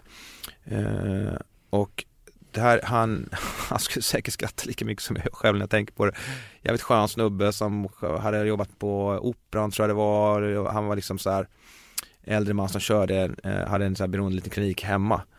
Eh, och, och vårt första möte var så här: okej, men då ska jag bara se så här, du, du, du äh, så jag har fattat allt rätt här vad jag har jobbat med. Så här, du, du, du vill kicka äh, så här, alkohol och drogmissbruk ganska långvarigt så här och du ska ge dig ut på en tvåårs eh, rockbandsturné med ditt band och en ny release. Var det det du sa? Ja, precis. Så här. Det är inga konstigheter så här. Du, ska inte typ eh, så här, kanske tänka på att sk- skippa den här rockbandsturnén och ta hand om ditt, eh, ditt problem så här och vi, så kan vi jobba med det så här bara hej! Och du vet, jag bara så här, kommer inte på så här, nej okej, bra, bra, du, bara så jag vet vad jag har att jobba med. Och så då, då körde vi sessions, eh, så fort jag var hemma så körde vi sessions eh, så här. och han fick in mig på NA och så, vi höll på kanske i ett halvår tror jag. Väldigt lyckat liksom så att eh, det, jag, jag gick till banken och tog lån liksom för att kunna finansiera den här behandlingen också. Eh, Jag var faktiskt och, och drog min life story på Nämndemansgården nyligen Ja, okej, wow. mm, häftigt.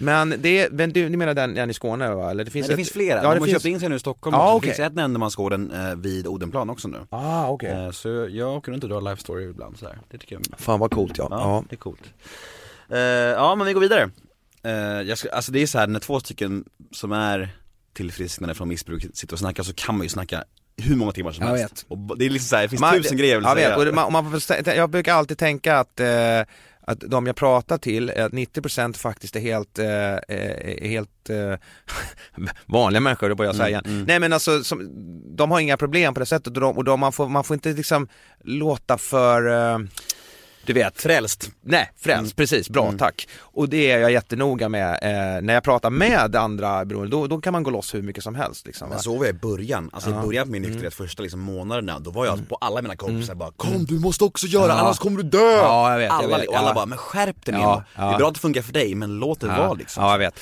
Och det är ju så, ju längre tid man Ja. får desto mer nyanserad Ja, blir man ju Ja, det, man blir Och väldigt ödmjuk. mi- militant nästan och väldigt nästan Då skrämmer man ju folk ja, det är jag det, det, är det, det är det värsta, det, det får man inte heller göra Nej. För att det, alltså hela tolvstegsprogrammet bygger ju på attraktion, inte propaganda. Ja, Det ja. står ju klart Ja, och tydligt i ja, vår litteratur liksom. Men det blir så lätt att man bara Ja. så här: åh Ja, propaganda! men man är ju, man, har, man är ju väldigt euforisk och, och nynykter och, och, och, och clean och upplever alla de här bonusvinsterna, de bara kommer ju som en här lavin redan Mm, första mm, veckorna verkligen. liksom va? och då, jag sitter ju, jag har ju ibland på möten eh, ny, nykomlingar som har liksom bara ett par veckor eh, clean liksom och, och det är så jävla härligt att se deras energi och de är så, ja, och bara, och jag mår så bra nu och nu känner jag att det här är rätt, bara, jag bara, fan vad skönt att det kan kännas så direkt liksom va. Man blir Så- nästan avundsjuk på dem Ja, som, är, så som vill har... man ju hoppas man bara att de inte, som man själv blev faktiskt varnad för att eh, det finns en anledning till varför den, eh, liksom, eh, heter det, ett och ett halvt års brickan är grå, för då, då, då, då verkligen börjar livet igen fast nyktert och det är skittråkigt i bitvis liksom. Ja men det är klart, alltså efter den här första kicken Mm. har dämpat sig, när allt blir vardag igen, då ska man liksom, då måste man ju kunna acceptera Mm. det också. För att det liksom, det får inte bli bara, alltså tolvstegsprogrammet för mig är ju inte mitt liv. Jag har ju det, jag har, jag Ja. har programmet för att Ja. kunna leva Ja, livet. Det är så det ska vara också. För annars blir det fel. Ja, jag håller med, jag, helt och hållet alltså. Det, Men nej men det där är intressant. Så att det där försöker jag i alla fall vara ganska så, jag, jag pratar gärna om det om folk frågar men jag, jag, jag, jag börjar inte prata det, jag, jag kräver inte att få prata om det med människor som inte är i programmet, är intresserade. De, de får gärna fråga mycket som helst men för det blir lite lätt att man blir, låter lite frälst och sådär. Mm. Vi får starta en ny podd. Ja. Nemo och Nicke, Ja, ja. snacka nykterhet. Ja, ja men framförallt för att jag, eh, eh, bara för att avrunda det här med, med den här frälsningen, jag, jag, jag, jag upplever ju mig som ganska andlig idag. Jag, är ju, jag söker ju svar som säkert alla människor gör i olika, på olika nivåer. Eh, så vet inte jag om man behöver hitta något svar men jag bor ju ute på landet nu, nu för tiden och eh, jag, brukar, jag, brukar, jag brukar fyllas varje dag av så här andlighet i form av djur och natur. Det låter lite flummigt men det, jag, när, jag, när jag ser det brukar alltid komma någon stor jävla rovfågel och landa bara jättenära lite ute på en åker och sitta och hålla på liksom. Jag brukar så här, jag ser mycket så här tecken hos djuren och, och jag, jag, jag kan känna att jag är i kontakt med en, en andlighet som jag aldrig har varit eh, och den, den infann sig när det blev tyst runt omkring mig. När jag flyttade ut på landet, när jag, när jag så här du vet, det inte var något jävla eh, luftkonditioneringssystem eller några bussar som bara marsade på liksom. Och speciellt i och med att man jobbar med, med ljud och, och så här hela dagarna och har hörlurar på sig 70% av tiden liksom. Va? Då, eh, och, och, och det det snackades ju mycket om det i, under, under hela, liksom, under alla mina tio år här liksom i, i, i programmet men jag har börjat känna verkligen att jag kan att jag kan både ta hjälp av det, att jag kan liksom suga in den andligheten och verkligen, mm, jag ska, ja, jag, jag ber och jag är i, i mediterar på ett sätt liksom med, med min högre makt på ett annat sätt som jag inte kunde göra innan. Och det är rätt coolt faktiskt. Det är så jävla coolt att du säger det här, för jag, jag satt liksom i morse med min, eh, med min terapeut och snackade om då sa han till mig så här, när känner du dig som mest lugn och harmonisk och när känner du dig i din andliga spänst? Vi snackar mycket om andlighet, jag och min terapeut. Och då sa jag så här, ja, när jag är på landet, Ja, när jag är hos min mamma i Mariefred, Ja. när jag är hos mina kompisar i Hudiksvall på landet, då är jag verkligen i, i ett esse. Och så kommer jag hit till dig några timmar senare så berättar du exakt Ja. samma sak. Det säger väl lite grann om vad att vi, vi som mänskligheten generellt är lite på fel spår liksom va, men eh, Kan man säga. det, det, det, och, och, och den här eh, ständiga liksom uppkopplingen, man, är, jakten. man lever i, i stressen och, och, liksom att, du vet, hela tiden bli nådd och så vidare så här. Det, jag, jag, det kanske vi kommer komma till i vilket fall här, men jag snöade ju in på, på just hästar eh, som är fantastiska djur Väldigt andliga djur liksom och, och det finns ju en anledning till varför man, eh, varför man erbjuder folk att hålla på med hästar som mår eh, psykiskt dåligt liksom från olika rehabgrejer. Morsan har hästar, Ja, såklart. ja. ja och det, och det, var, liksom- det var första gången som jag eh, la ifrån mig min mobil. Jag bara slängde den i en väska eller låste in den i bilen vad fan som helst. Så var jag utan mobil i hur många timmar som helst. Bara på med hästarna. Dels för att jag fick lära mig jävligt tidigt att är du inte uppmärksam så är det att hålla på med hästar är förenat med livsfara om du inte är närvarande. Jag kände så att jag och en mobil, det, jag är ju inte närvarande men jag sitter Nej. och flippar, det är ju ingen som är egentligen liksom. Så det, var, det blev, det blev en, en grej. Nu har jag oftast mobilen eh, dock på mig med mig för att jag är så rädd för att råka ut för en olycka om jag är själv ute i skogen och då kan jag inte ringa liksom. Så det är mer av en säkerhetsskäl liksom. Men jag brukar sätta den i flygplansläge och sådana grejer liksom. Eh, men, det, men, det, det, men, men jag tror att djur och natur är ju våran, eh, våra naturliga liksom, där vi ska, man ska vara i kontakt med, med djur och natur. Jag tror att med alla människor mår som bäst då liksom. Men Faktiskt. hur är du med ångest och sånt idag då? Alltså är, är du ångestfri eller när mår du som sämst idag? Alltså, alltså långt ifrån vad, vad jag önskar jag kunde vara eh, när det gäller eh, ångest eh, och eh, ja alltså jag, jag ska inte säga att det är en, en, eh, en råkamp varje dag tar sig ur sängen, då, då, då ljuger jag, då överdriver jag. Alltså. Men, men, men det är liksom eh, Jag pratade med min kollega på lunchen precis innan här att eh, för vi har liksom olika grejer vi snackar om Eh, för mig, det jag försöker förmedla när det gäller, för, för folk tror så här att jag mår så jävla bra ibland. Och det här är också, bara, för att flika in här med sociala medier och alltså, jag, jag, jag försöker vara väldigt transparent i mina sociala medier. Jag kan gärna liksom visa och, och, på och dela liksom så här, kanske väldigt så här, wow shit liksom, han var ju seriös och tungt, han verkar inte må så bra. Men, men oftast blir det ju ändå liksom positiva grejer, man vill ju, jag vill dela med mig av positivitet. Så jag tror många upplever för till och med folk är väldigt i, min- i min nära eh, så här, krets att jag mår så jävla bra. Men, men grejen är det att, att eh, och det här är tillbaks till tvåstegen, jag har lärt mig att, eh, att acceptera ångest. Jag har liksom jag, jag belyser min ångest, jag plockar fram den, jag håller den framför mig så här, så här är du, din, din jävla ångest, du är helt gigantisk idag. Och eh, det är helt okej. Jag, jag ska gå och jobba ändå liksom, eller jag ska åka ut och skriva, alltså, den är bara där. Och slutligen så lättar den under dagen och, och, och jag känner liksom att, jag, att den är, den är jag kan, jag kan liksom hantera den. Men jag är ju långt ifrån nöjd med att behöva acceptera den och, eh, och att behöva hantera ångesten varje dag. Och jag, skulle, jag säger varje dag, för jag tror jag kan inte komma på någon dag där jag typ varit helt ångestfri. Det är naturligtvis mer eller mindre. Men det är väl lite så att folk kan väl tro att man är superlycklig bara för att man är nykter och säger hej Ja. Men för mig handlar det om att acceptera att leva livet på Ja. livets villkor liksom. Det är det som är själva grejen, att idag när jag mår dåligt så kan jag liksom vara i ångesten och acceptera den och ringa någon i programmet, ringa min terapeut Jag behöver inte plocka upp alkohol och droger Nej, precis. Det är väl det som är den stora skillnaden kanske Ja, alltså för mig har, ju, för mig har det liksom varit, eh, nu ska man egentligen inte jinxa det här liksom, men jag, jag har inte haft, eh, drogen och alkoholen slutade vara ett problem för mig väldigt tidigt. Utan det var snarare eh, livet som, hur, hur, hur gör man? Hur ska jag göra liksom? För att, och, och framförallt ha den här ångesten då, den blev väldigt, eh, eh, det blev väldigt tydlig eh, när jag, än, ännu mer tydlig då när man var nykter och drogfri. Och jag har varit jättedålig på att hantera den eh, under, under lång tid och jag kan säga att jag kanske har ett, eh, ett motstånd. Till exempel är jag ju, med all rätt tycker jag, men, men ändå en del, det, det går liksom grejerna isär om hur man borde äta då eh, medicin till exempel. Du kan ju äta jättelight ångestdämpande grejer hit och dit. Men jag är så här, totalvägrar, jag käkar knappt Alvedon liksom på grund av min historia liksom. Jag menar på att det, det, nej. Eh, men, men det, det, jag jobbar ju väldigt mycket med den liksom. Men jag önskar ju, det är ju, det är ju egentligen en av mina, mina största drömmar och min, min, min högsta önskan att, att om en blir helt ångestfri men att, att ha mindre ångest, att kunna liksom någonstans göra grejer som gör att jag får mindre ångest. Och jag, jag vet på ett ungefär vilket håll jag ska gå åt. Men här är vi tillbaks igen då med föreläsningen, varför, jag vet inte varför jag har sånt motstånd att, att eh, gå mer åt eh, det meditativa och, och, och du vet, börja jobba med, med eh, andning och meditera och allt det här liksom. Och, men ja, Ju mer du ger desto mer kommer du få Så Ja. ut och föreläs med dig Ja.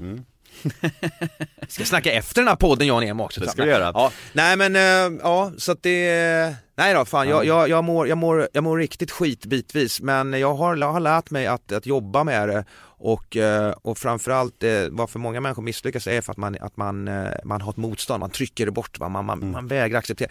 Man måste acceptera det, man måste, man måste, man måste förlika sig med, med, med sin ångest, man måste acceptera den, man måste plocka fram den i ljuset. Liksom, va? Belysa den, här, här är den. Acceptans Mm. När grät du senast? Återigen, Eh. varje morgon! Nej men jag har, eh, nu ska, jag- nu ska jag inte börja gråta i din podd här, men jag, eh, jag grät så sent som en, precis innan min kompis hämtade mig när vi gick ner till lunchen som jobbar som marknadschef här på Rockklassiker. Jag har, en, jag har en, en väldigt nära vän, min, min närmsta vän fick precis beskedet, eller först hon opereras för en hjärntumör Eh, för några veckor sedan. Och det var bara fruktansvärt hela den processen dit. Och nu fick hon besked vad det var. Och det var naturligtvis då den eh, värsta sortens eh, elakartad cancer som ja, hjärntumörer ska inte ge ifrån sig någonting, det ska inte spridas. Men den här typen gör det. Och eh, Ja, man, ska, eh, man måste tänka positivt. Men det är så fruktansvärt att få de här beskeden. Jag är, det är min bästa vän. Men jag är också eh, med att jag delar eh, så mycket med henne eh, så, så, så är det är liksom jävligt, det är svårt att hantera det här liksom. Jag har aldrig haft det här i mitt liv heller innan. Du är liksom befriad från sånt. Ja, min, min farsa fick en väldigt svår cancer många, många, många år sedan. Eh, jag var otroligt ej närvarande på grund av olika anledningar i, i, i, i känslan kring det. Eh, det var faktiskt min, min morsa som berättade för mig igår att ah, men han fick ju typ också en, så här, en, dödsdom av, av olika oberoende läkarteam och sådär men om något mirakulöst eh, funkade cellgifterna, sen kunde de börja stråla och, och idag har han varit eh, peppar peppar och cancerfri i 20 år vad det nu är Mm. liksom, va? helt, helt så, så jag, absolut mirakel händer och så vidare och så vidare men eh, men utöver min kära far så ser jag naturligtvis att var och varannan människa runt omkring en dör i den här fruktansvärda liksom jävla pesten vi har i världen med cancer liksom. Mm. Men, men aldrig riktigt, riktigt ända in på mig så här. Det här är liksom, det här och jag har, eh, jag kan säga det till dig, det här blir det kanske mest personliga på länge men jag har ju riktigt svårt att hantera det. Eh, Och jag vet inte hur jag kommer han, kunna hantera det framöver här nu beroende på vad som händer liksom. Det, det, det är, eh, det återstår att se helt enkelt.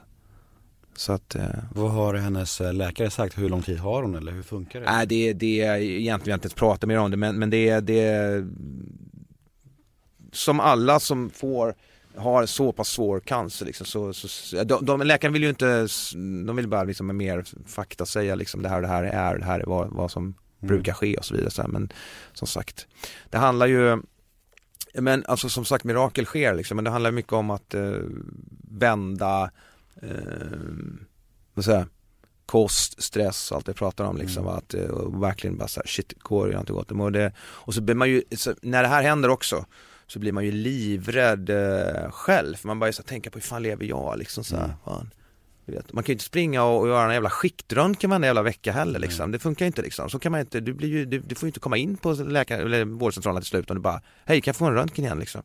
Det går ju inte. Eh, samtidigt så sker det liksom med folk bara, fick, fick den personen cancer? Va? Ja du vet och så vidare. Det. Nej det är fruktansvärt. Så att ja, jag grät så sent som bara för någon timme sedan liksom. Vi får, vi får be för henne. Det, det är faktiskt, det, det är nästan det enda man kan göra, ja. Vilken är din sämsta sida? Alltså vilken egenskap som du har föraktar du mest hos dig själv? Eh,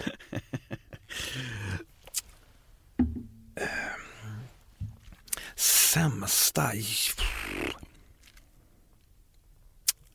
Ja nu låter man ju riktigt så här om man säger att man inte har några men alltså jag har Eller ska du göra som folk brukar svara på arbetsintervjuer? Jag är lite för snäll, jag tar för mycket ansvar. Så. Ja, alltså jag ska, jag ska inte säga att det är, det är inte en dålig sida men att det är klart att jag, jag gärna tar på mig och, och mycket grejer och vill gärna vara, vara jag känner mig otillräcklig ibland men samtidigt så brukar folk säga men herregud du gör redan mer än vad liksom Men det är det jag menar, det säger ju folk i arbetsintervjuer Mm. när de inte vill säga något dåligt på riktigt, Mm, då säger mm. de såhär, jag, jag tar på mig för mycket, Mm. för det är ju egentligen en bra egenskap, Mm, egentligen, det är ju schysst exakt. så. Så att det ska jag inte säga. Ehm, jag ska inte säga att det är dåliga egenskaper, men man, man har ju liksom lite eh, tics kvar ifrån eh, från liksom hur man har levt innan. Jag kan ju vara så här, jag kan bli ganska så här eh, repetitiv, jag, jag ehm, du vet, upprepar, eh, dubbelkollar, jag har svårt att lita på människor. Mm. Eh, men med all rätt. Mm. För, när jag, in, för när, jag, när, jag, när jag inte dubbelkollar någonting så bara 99% av fallen så, så glömmer den här personen eller missar den här personen eller så sker det något fatalt misstag som i, i sin tur bara påverkar mig. Så jag har satt i, i, i, eh, i system att alltid dubbel, trippelkolla allting. Mm. Och det kan ju då upplevas som otroligt enerverande. Att man bara, men du skickade det här mejlet igår. Ja, ja men jag bara kollar så att du eh, såg det, eller hur? Så bara kommer ett sms sen bara, imorgon syns Ja, du vet. Ja, Det, jag det kanske är då en irriterande egenskap. Eh, och att, att jag eh, att jag inte litar på att eh, saker och ting eh, är gjort eller sådär. Jag måste eh, liksom, om min flickvän ska låsa dörren så måste jag ändå gå och hålla på ruck, liksom, rycka dörren antal. Sådana här saker. Det, det, jag vet inte, Tvångstankar? Ja, Alltså, det är knappt man kan säga att det är en dålig egenskap, det är snarare bara liksom så här massa personliga så här, små tics liksom som måste liksom lägga sig av. Jag har ett segment som heter sex snabba, går ut på att jag säger ja, sex småfrågor Ja. helt enkelt, som ska gå ganska snabbt i tanken. Eh, första är, dyraste ägodel? Min jeep. Vad missbrukar du? Uh, sex. Vad gör du när ingen ser? Ehm, oj, vad gör ni? Eh, Titta på Taylor Swift videos på YouTube. Så jävla bra svar. Vidrigaste du gjort mot en annan människa? Eh, bedragit. Det är faktiskt det vanligaste svaret på den frågan, Ja. otrohet. Bästa kändiskompis? Vilken kändis umgås du regelbundet med? Har du någon, så här, något skönt namn? Oj, det var en intressant fråga. Eh, Ja, det här blir jättelångt svar. Jag måste, nej. Nej men jag, nej men jag har inte några eh, direkta Du får säga Dregen. Ja, nej men vi, alltså inte regelbundet, det var, där, det var därför jag blev så här stilla, för att nej jag umgås ju med jä- jättekända människor ibland till höger och vänster, men, men inte regelbundet alltså, absolut inte, så att jag eh, Mm. Ja, Nej, det, jag du, bara- du behöver inte svara, det är okej. Vad ska du rösta på i höst? blått. Mm. Sen har jag ett segment till som heter ett ord om, som går ut på att jag säger fem stycken svenska kändisar och du ska säga första ordet som kommer i ditt huvud när du Okej. hör namnet. Okej. Ett ord om alltså. Ja. Mm. Ett ord om, Alex Schulman. Provocerande bloggare, nu blir det två ord. Tänk att folk har så svårt för att ett ord. Alltså varenda jävla gäst säger ändå tre ord, jag fattar inte alltså. Ja, Jag är så dålig på de där, ja okej, ja, ja, men du, ja, nästa, Marcus Birro. jobbig, Sara Larsson. Eh, stark, Jimmy Åkesson. eh, ehm, oj oj oj, ett ord i magiskt. Det här är ju svåraste jag gjort, känns som. Eh, Svårare än att bli nykter. eh, eh, osäker, Leif GW Persson. rolig, Mm, du ser, det gick ju helt okej ändå. Du får tre plus i betyg. Eh, avslutningsvis så ska vi damma av några lyssnarmail. Eh, några av de här frågorna har jag faktiskt bakat in i podden, har, har jag förstått, har jag märkt genom poddens gång. Men vi provar ändå. Eh, dagens, eller veckans mail nummer ett. Hej Nicke, berätta om den komiska incidenten när en restaurang bokade dig istället för Nick Borgen av misstag. Hur tog du den grejen? Kunde du garva åt det eller blev du irriterad?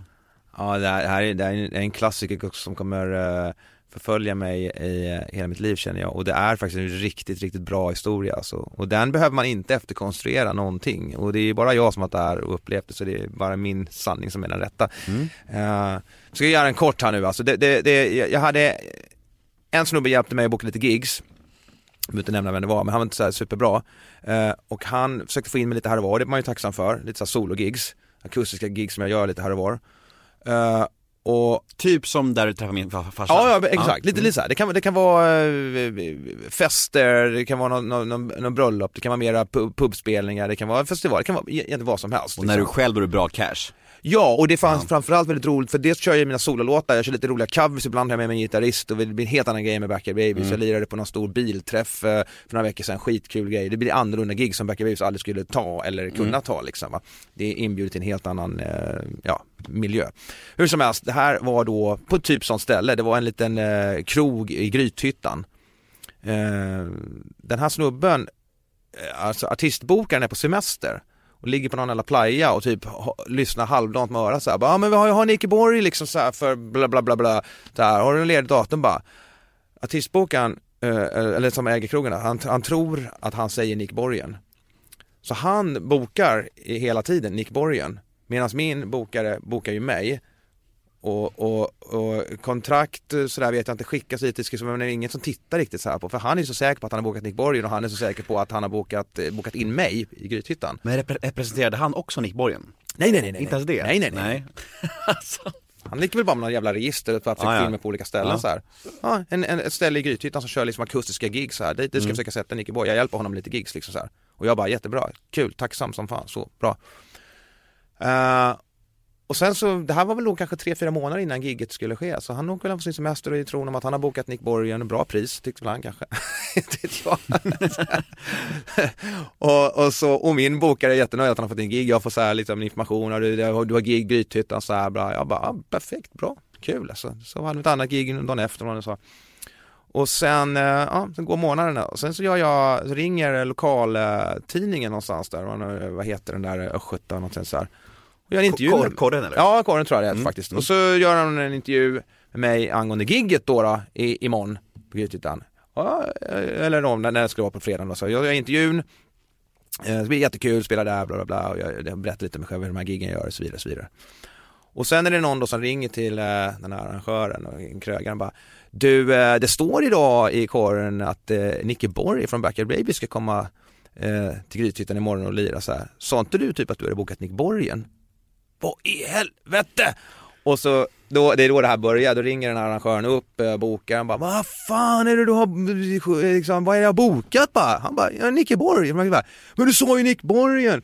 Och, och så börjar det här liksom va. Eh, Och då kan ju inte den här eh, journalisten, tycker det här är roligaste som finns, han har ju världens scoop liksom, de blåser upp det här då. då.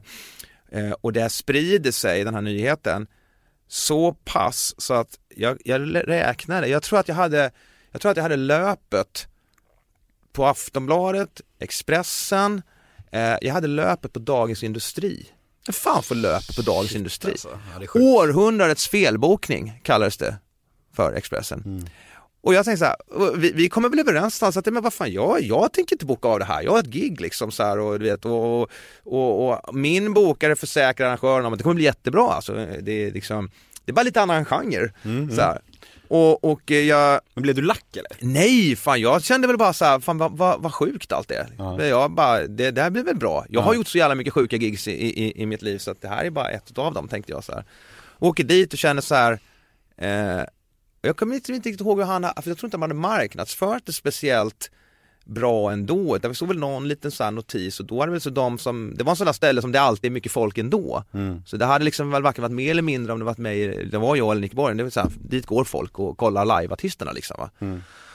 Så att eh, jag körde ett gig där, ett akustiskt gig, baserat på den här felbokningen och folk skrattade som de satte bärsen i halsen liksom och, och, och bjöd rätt mycket på mig själv. Och TV4-nyheterna var där och filmade. Alltså det nationella, alltså inte bara det där utan liksom så här och blåste upp det liksom så här. Jag kände så här, ja det är så här man ska göra när man ska få löpsedlar och tv-tid alltså. Alltså du ska- borde ju avrunda spelningen med We're all Ja. the winners. och jag drog massa skämt om just den grejen att eh, Dregen hade sagt eh, till mig så här, skickat sms lite peppar ni så bara "Gl- Kör We Are The Champions som sista låt. Jag bara, Det är men du det. det är för fan inte ens Nick Borg, det är ABBA för fan. Så Ja, mycket kvar det. Det blir mycket, så, mycket sånt snack eh, emellan låtarna och publiken garvar och jag, jag tycker liksom, att det är ganska kul att göra så här gigs, udda gigs som i och med att Backyard Babies är ganska så regisserat eh, på något sätt så är det här, de här gigsen är det sånt man kommer komma ihåg och kan prata om för alltid. Och de som var där hade ju en, ja de fick ju sig en speciell kväll liksom. Men för att avrunda det här, det här är då liksom, jag är så jävla sur att jag inte gjorde det. Eh, tre månader drygt eller något sånt här senare så bokar den här arrangören Nick Borgen till Grythyttan, till det här stället. Och någon har tagit en, en bild på den här affischen i- stan och skickat till mig på Facebook, bara, kolla här, nu, nu är det Nick Borgen som så här. Och jag bara, "Fy fan jag måste åka dit. Jag vet bara komma där tidigare Nick Borgen igen med gitarren bara så här, bara dunka på så här, bara tjena jag är här, när är soundcheck? Han bara, oj helvete. Ja, och bara fan, kör vad det ett prank kul, liksom. alltså. Nu gjorde jag aldrig det, så lite synd alltså. Nej men det, det är så, så jag, naturligtvis blir man inte sned för en sån grej, det är mest bara en otroligt komisk grej alltså. Så Men visst var det Nick Borgens en, som enda hit, We're all the winners? Jag tror det. Ja. Men alltså jag har ju lirat med Nick Borgen, det här som är så jävla roligt. Alltså senare, kanske något år senare så eh, gjorde jag något gig i, i södra Sverige och där jag gjorde ett extra gig på något, något sånt torg liksom så här, kan du inte komma och köra låtar där också? Bara, så lätt, lätt liksom. Och eh, då lirade Nick där också, så då tog vi en selfie tillsammans och så bara så här, vet- Berä, berättar du för honom historien? Ja, ja, vad fan, ja, ja. Garva? Ja, ja, han, han bara såhär, ja det är ju helt sjukt, jag hörde om det här, men han var inte så insatt i historien alls alltså. Så att det var såhär, men du det var ju för fan jättestort, han bara, ja, ja, ja, någon sa något, jag hörde om det. Här. så att, eh, ja. Ett mail löd ju så här. Jag har några frågor om Dregens självbiografi, har du läst den? Men vi gick igenom Ja, det precis. tänker jag, så Ja, vi kan ja. ju skippa den. Ja. Eh, Hej Nicke, du separerade väl förra året och eftersom jag alltid haft en liten crush på dig så måste jag fråga, har du träffat någon ny eller är du singel? Och hur gör man i sådana fall för att få en dejt med dig? Oj. Eh, Nu knäpper han upp tröjan, Ja. svettig. har du bild? Nej. Ja. Nej, jag, eh, ja jag separerade och alla separationer är ju lite små, liksom det finns ingen separation som är helt smärtfria bra men jag tycker ändå att jag och min exfru lyckas upprätthålla en, en väldigt hög nivå på, på vänskap fortfarande idag. Men jag träffade ju en ny, eh, jag, jag träffade henne som en vän under tiden jag fortfarande var gift liksom, men sen eh, le, blev det en, en relation som exploderade fullkomligt. Eh, med en finsk tjej. Eh, och jag är, är, är kär upp, upp över öronen varje dag liksom. det, det är helt otroligt. Grattis. Alltså, ja, och nu, vi har varit eh, här, officiellt tillsammans då, i över ett år och jag är fortfarande precis, precis skakig av, av och fjäril i magen varje gång jag, jag bara som skickar en bild liksom. Så här. Det, det, jag, jag, jag, har- jag har haft ganska många längre relationer och framförallt ett ganska långt äktenskap liksom. men eh, och det var jättehärligt i början och allting så här, men, men den här, jag vet inte vad det är liksom. Det, jag, jag tänker inte jinxa det så mycket heller, ta, ta väldigt, väldigt försiktigt. Men, men jag träffade en ny då, då och jag är superkär och jag hoppas att det, det, det, det vet, hon, hon får mig att skratta. Mm. Och jag hade liksom, jag kände att jag inte hade skrattat på många, många, många år. Så här, riktigt så här, skratta liksom. Men du har inga biologiska barn då? Nej. Vill du ha det? Eh, nej jag tror inte det. Alltså, och framförallt så vill inte eh, min, min tjej ha det heller. Eh, hon är förvisso yngre än mig men eh, hon vill inte det och jag, jag känner att eh, med tanke på vart, vart jag är på väg i mitt liv och vad jag vill med mitt liv och vad jag har för sorts mål när vi pratar om allt det här med att hitta liksom någonstans hem och med, med ångest och med, med liksom så här och det som händer mig i livet. Jag vet inte riktigt. Det skulle säkert bli, det skulle säkert man skulle anpassa sig efter det om man nu bestämdes för det eller om det skulle hända men jag, nej jag, jag, jag är nog mer inne på att omge mig med ma- massa djur istället liksom. Mm. Jag har känt en, en, ett sting av bitterhet eh, många gånger eh, att jag inte har några biologiska barn, att jag inte, att jag inte hittade dit som mm, många andra gör liksom va. Samtidigt så har jag också vänner omkring mig som inte har det som liksom, det, det, det är också lite grann eh, man förväntas också att man ska vilja ha barn vid ett visst läge liksom. Och när man inte vill det så, varför inte det? Vadå, gillar du inte barn liksom? Så att, vi får se. Jag tror inte det. Gillar du barn? Ja, jag gillar barn men eh, de är också jävligt jobbiga liksom. Jo, tell me about, tell me about it. Eh, nästa mail. Du var ju med i Melodifestivalen 2011. Ja. Eh, var det självklart att ställa upp där? Var det många kollegor som ryckte på näsan? Och vad vill du säga till folk som tycker att rockstjärnor inte borde vara med i Melodifestivalen? Ja, det var ju en så här, en, en blandning av att jag gillar att provocera eh, jag var, jag var väldigt, jag var, ska inte säga att jag var hämndlysten men jag var liksom, jag var on a roll att liksom göra vad fan jag vill eh, och gå mot normen av vad, vad rock ska handla om och så vidare. Så här. Jag var också väldigt intresserad av att eh, skriva låtar till andra artister, eh, skriva låtar som var långt ut i, alltså bortom eh, rockmusik liksom, va? alltså bredda min, min, min låtskrivarkarriär. Eh, Melodifestivalen, det var faktiskt så här att den här låten, eh, jag, hade, jag hade velat att någon annan person skulle göra den. Vem? Eh, vi pratade om Erik Grönvall bland annat, eh, som nu sjunger hit, som gjorde Idol, eller vann Idol där. Bra röst. Ja, han är fantastisk. Jag känner Erik jätteväl idag. Eh, av olika anledningar så eh, vill inte han göra Melodifestivalen. Han vill väl satsa på hit, vilket jag naturligtvis tror idag att han gjorde helt rätt i. Eh, så det slutade med att jag i princip eh, ringde upp Christer Björkman efter massa fram och tillbaks liksom och bara Fuck it, jag har en idé. Bara, bara, gör bara någon morgon, jag har legat funderat på det hela natten. Jag gör det själv. Ja, då blev han helt lyrisk och tyckte så här var hans bästa idé så och sen bara, vad fan har jag sagt nu, ska jag göra? Nej men shit alltså, nu, nej, så va, jag får inte ångra mig nu. Nej men, pratade jag med min manager, nu gör vi det här, bara all in liksom. Kör vi en eh, fet jävla rockballad, eh, kör Melodifestivalen bara, bara garvar liksom. Du vet, ta det för vad det är, verkligen så här. Eh, se, se, för jag var, så, jag var genuint nyfiken på vart det skulle leda. Det var faktiskt Ola Salo som sa det till mig från The Ark, när de gjorde Melodifestivalen. Ja Nicke du borde testa att göra Melodifestivalen. Aldrig i livet, jag är ledsen Ola men det är inte för mig. Sorry. Men samtidigt så sådde han ett frö liksom. Jag sa, men, fan. Det är, det är liksom en annan väg, en annan del som, som det helt plötsligt blir så här. Du sitter, det sitter hela den här jättemassan av folk och tittar på det här tv-programmet som, som jag inte ha, har nått ut till genom Mm. Backyard Babies. Jag trodde att jag spelade i ett relativt stort band men så visade det sig efter att jag gjort Melodifestivalen att det finns 70% till att nå ut till. Och Verkligen. så att, eh, så ja, för, för, för så här klart där om det då, det var, det var eh, inget var självklart men när man väl bes- hade beslutat mig för att göra det så var det superroligt, självklart. Jättemånga tyckte säkert att du är helt dum i huvudet och, och de smutsigaste punkarna och hårdrockarna eh, sa nu, fan jag ska aldrig mer lyssna på dig. Vad sa Dregen? Han blev, eh, jag tror du kan läsa om det i hans bok faktiskt. Jag tror att han blev otroligt upprörd. Ja. Eh, Han sa inget till dig eller? Nej det gjorde han inte, nej det gjorde han inte faktiskt och det kan man ju tycka är lite så här larvigt varför inte han, han Han skrev din bok istället. Han skrev din bok istället. Jag tror att han uttryckte det som någon gång att han, att jag, eh, att jag så här, smutsade ner honom Eh, Att han fick liksom bajs på sig på något sätt av, av, av så här, slager, äckligt skit Det får stå för honom.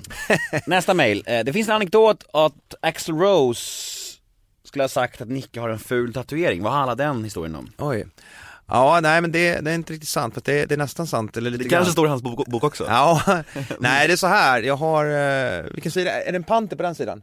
Eh, ja. Ja, den här panten på, på höger sida då, då en, en, en halstatuering, eh, det är en kille som heter Charlie i Malmö som gjorde den, eh, fast här uppe i Stockholm. Men han var så jävla trött när vi gjorde den och, och, och det är en cover-up för det står nämligen en ex-flickvän, det står Sara under den. Eh, Så vi liksom var tvungna att ha den på speciellt, det tog mycket tid innan vi fick till det så det skulle täcka det här namnet och sådär va. Eh, Så han glömde göra öron på panten. Och jag tänkte inte jag på, jag var skittrött så, så ringer han dagen efter, han är från Skåne, så bara ja, Nicke, kolla dig i spegeln. Jag bara, vadå, vadå, vadå, liksom, vadå, jag bara, alltså har panten några öron? Jag bara, men vad fan är det nu? Är så, så bara tittar, "Nej, men shit, ser ut som en säl med huggtänder. Jag nej, det, jag, fan jag fattar inte, jag tror att jag har glömt göra, och så, ja, så eh, han hade inga, han gjorde inga öron på panten helt enkelt. Och så börjar tatuerare runt om i, i, eh, i Sverige skicka så här, eh, så här eh, fax och stenciler till, till då, så de har tips, tippexat bort öron och tagit bort så här, bara massa så här sälbild med huggtänder så här. Hån. Ja, till, till honom och det var så en jävla rolig historia. Sen så, så gör vi öron på den någon gång något år senare. Men den här historien nådde Axel Rose för vi har en gemensam vän liksom så här. Och eh, sen berättade Del James då, som är Axels eh, assistent för mig att Axel tyckte att det var den bland de roligaste tatuerarhistorien han någonsin har hört.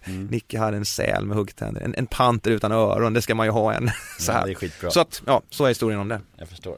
Du, vi börjar bli klara. Ja, Hur känns det här då? känns hur bra som helst. Mm. Känner du dig nöjd? Jag är jättenöjd. Ja. Fantastiskt. Ja. Om man vill nå dig på sociala medier, vart finns du och vad heter du? Snabel A Nicke Borg. Mm. På Instagram och överallt? Instagram, Twitter. Ja, på cool. Facebook heter jag nog Nickeborg Homeland. Ja. Och Som framöver, vad ligger i pipen? Har du något du vill puffa för eller marknadsföra eller vad som helst? Ja, det, eh, framförallt är det ju att eh, jag och mitt Backyard Babies har ju en ny singel ute precis, purfärsk. Men vad fan, vi kan slänga in den här.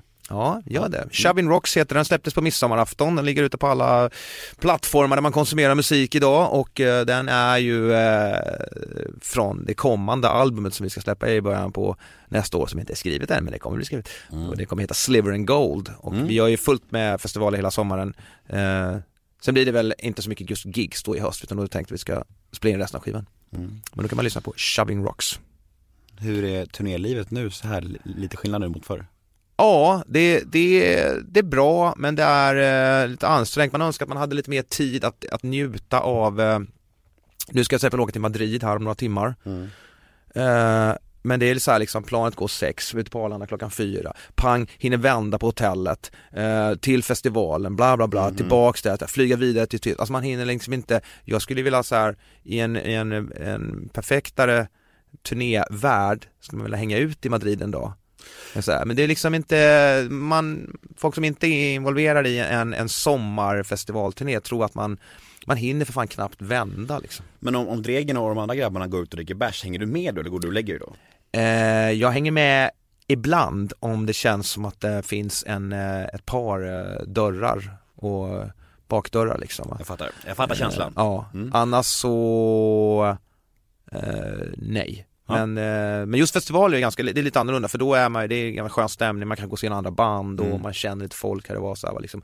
men, men återigen tyvärr, man hinner nästan aldrig vara för att eh, nu, förra helgen var vi på Grasspop i Belgien och Hellfest i Frankrike och, och vi, vi giggade 12 på dagen i Belgien och sen sitter vi i en shuttle klockan fem på eftermiddagen på väg till en flygplats och bor på hotell i Nice över natten och flyger vidare, alltså det vet jag så här. Mm. Ja. Cool!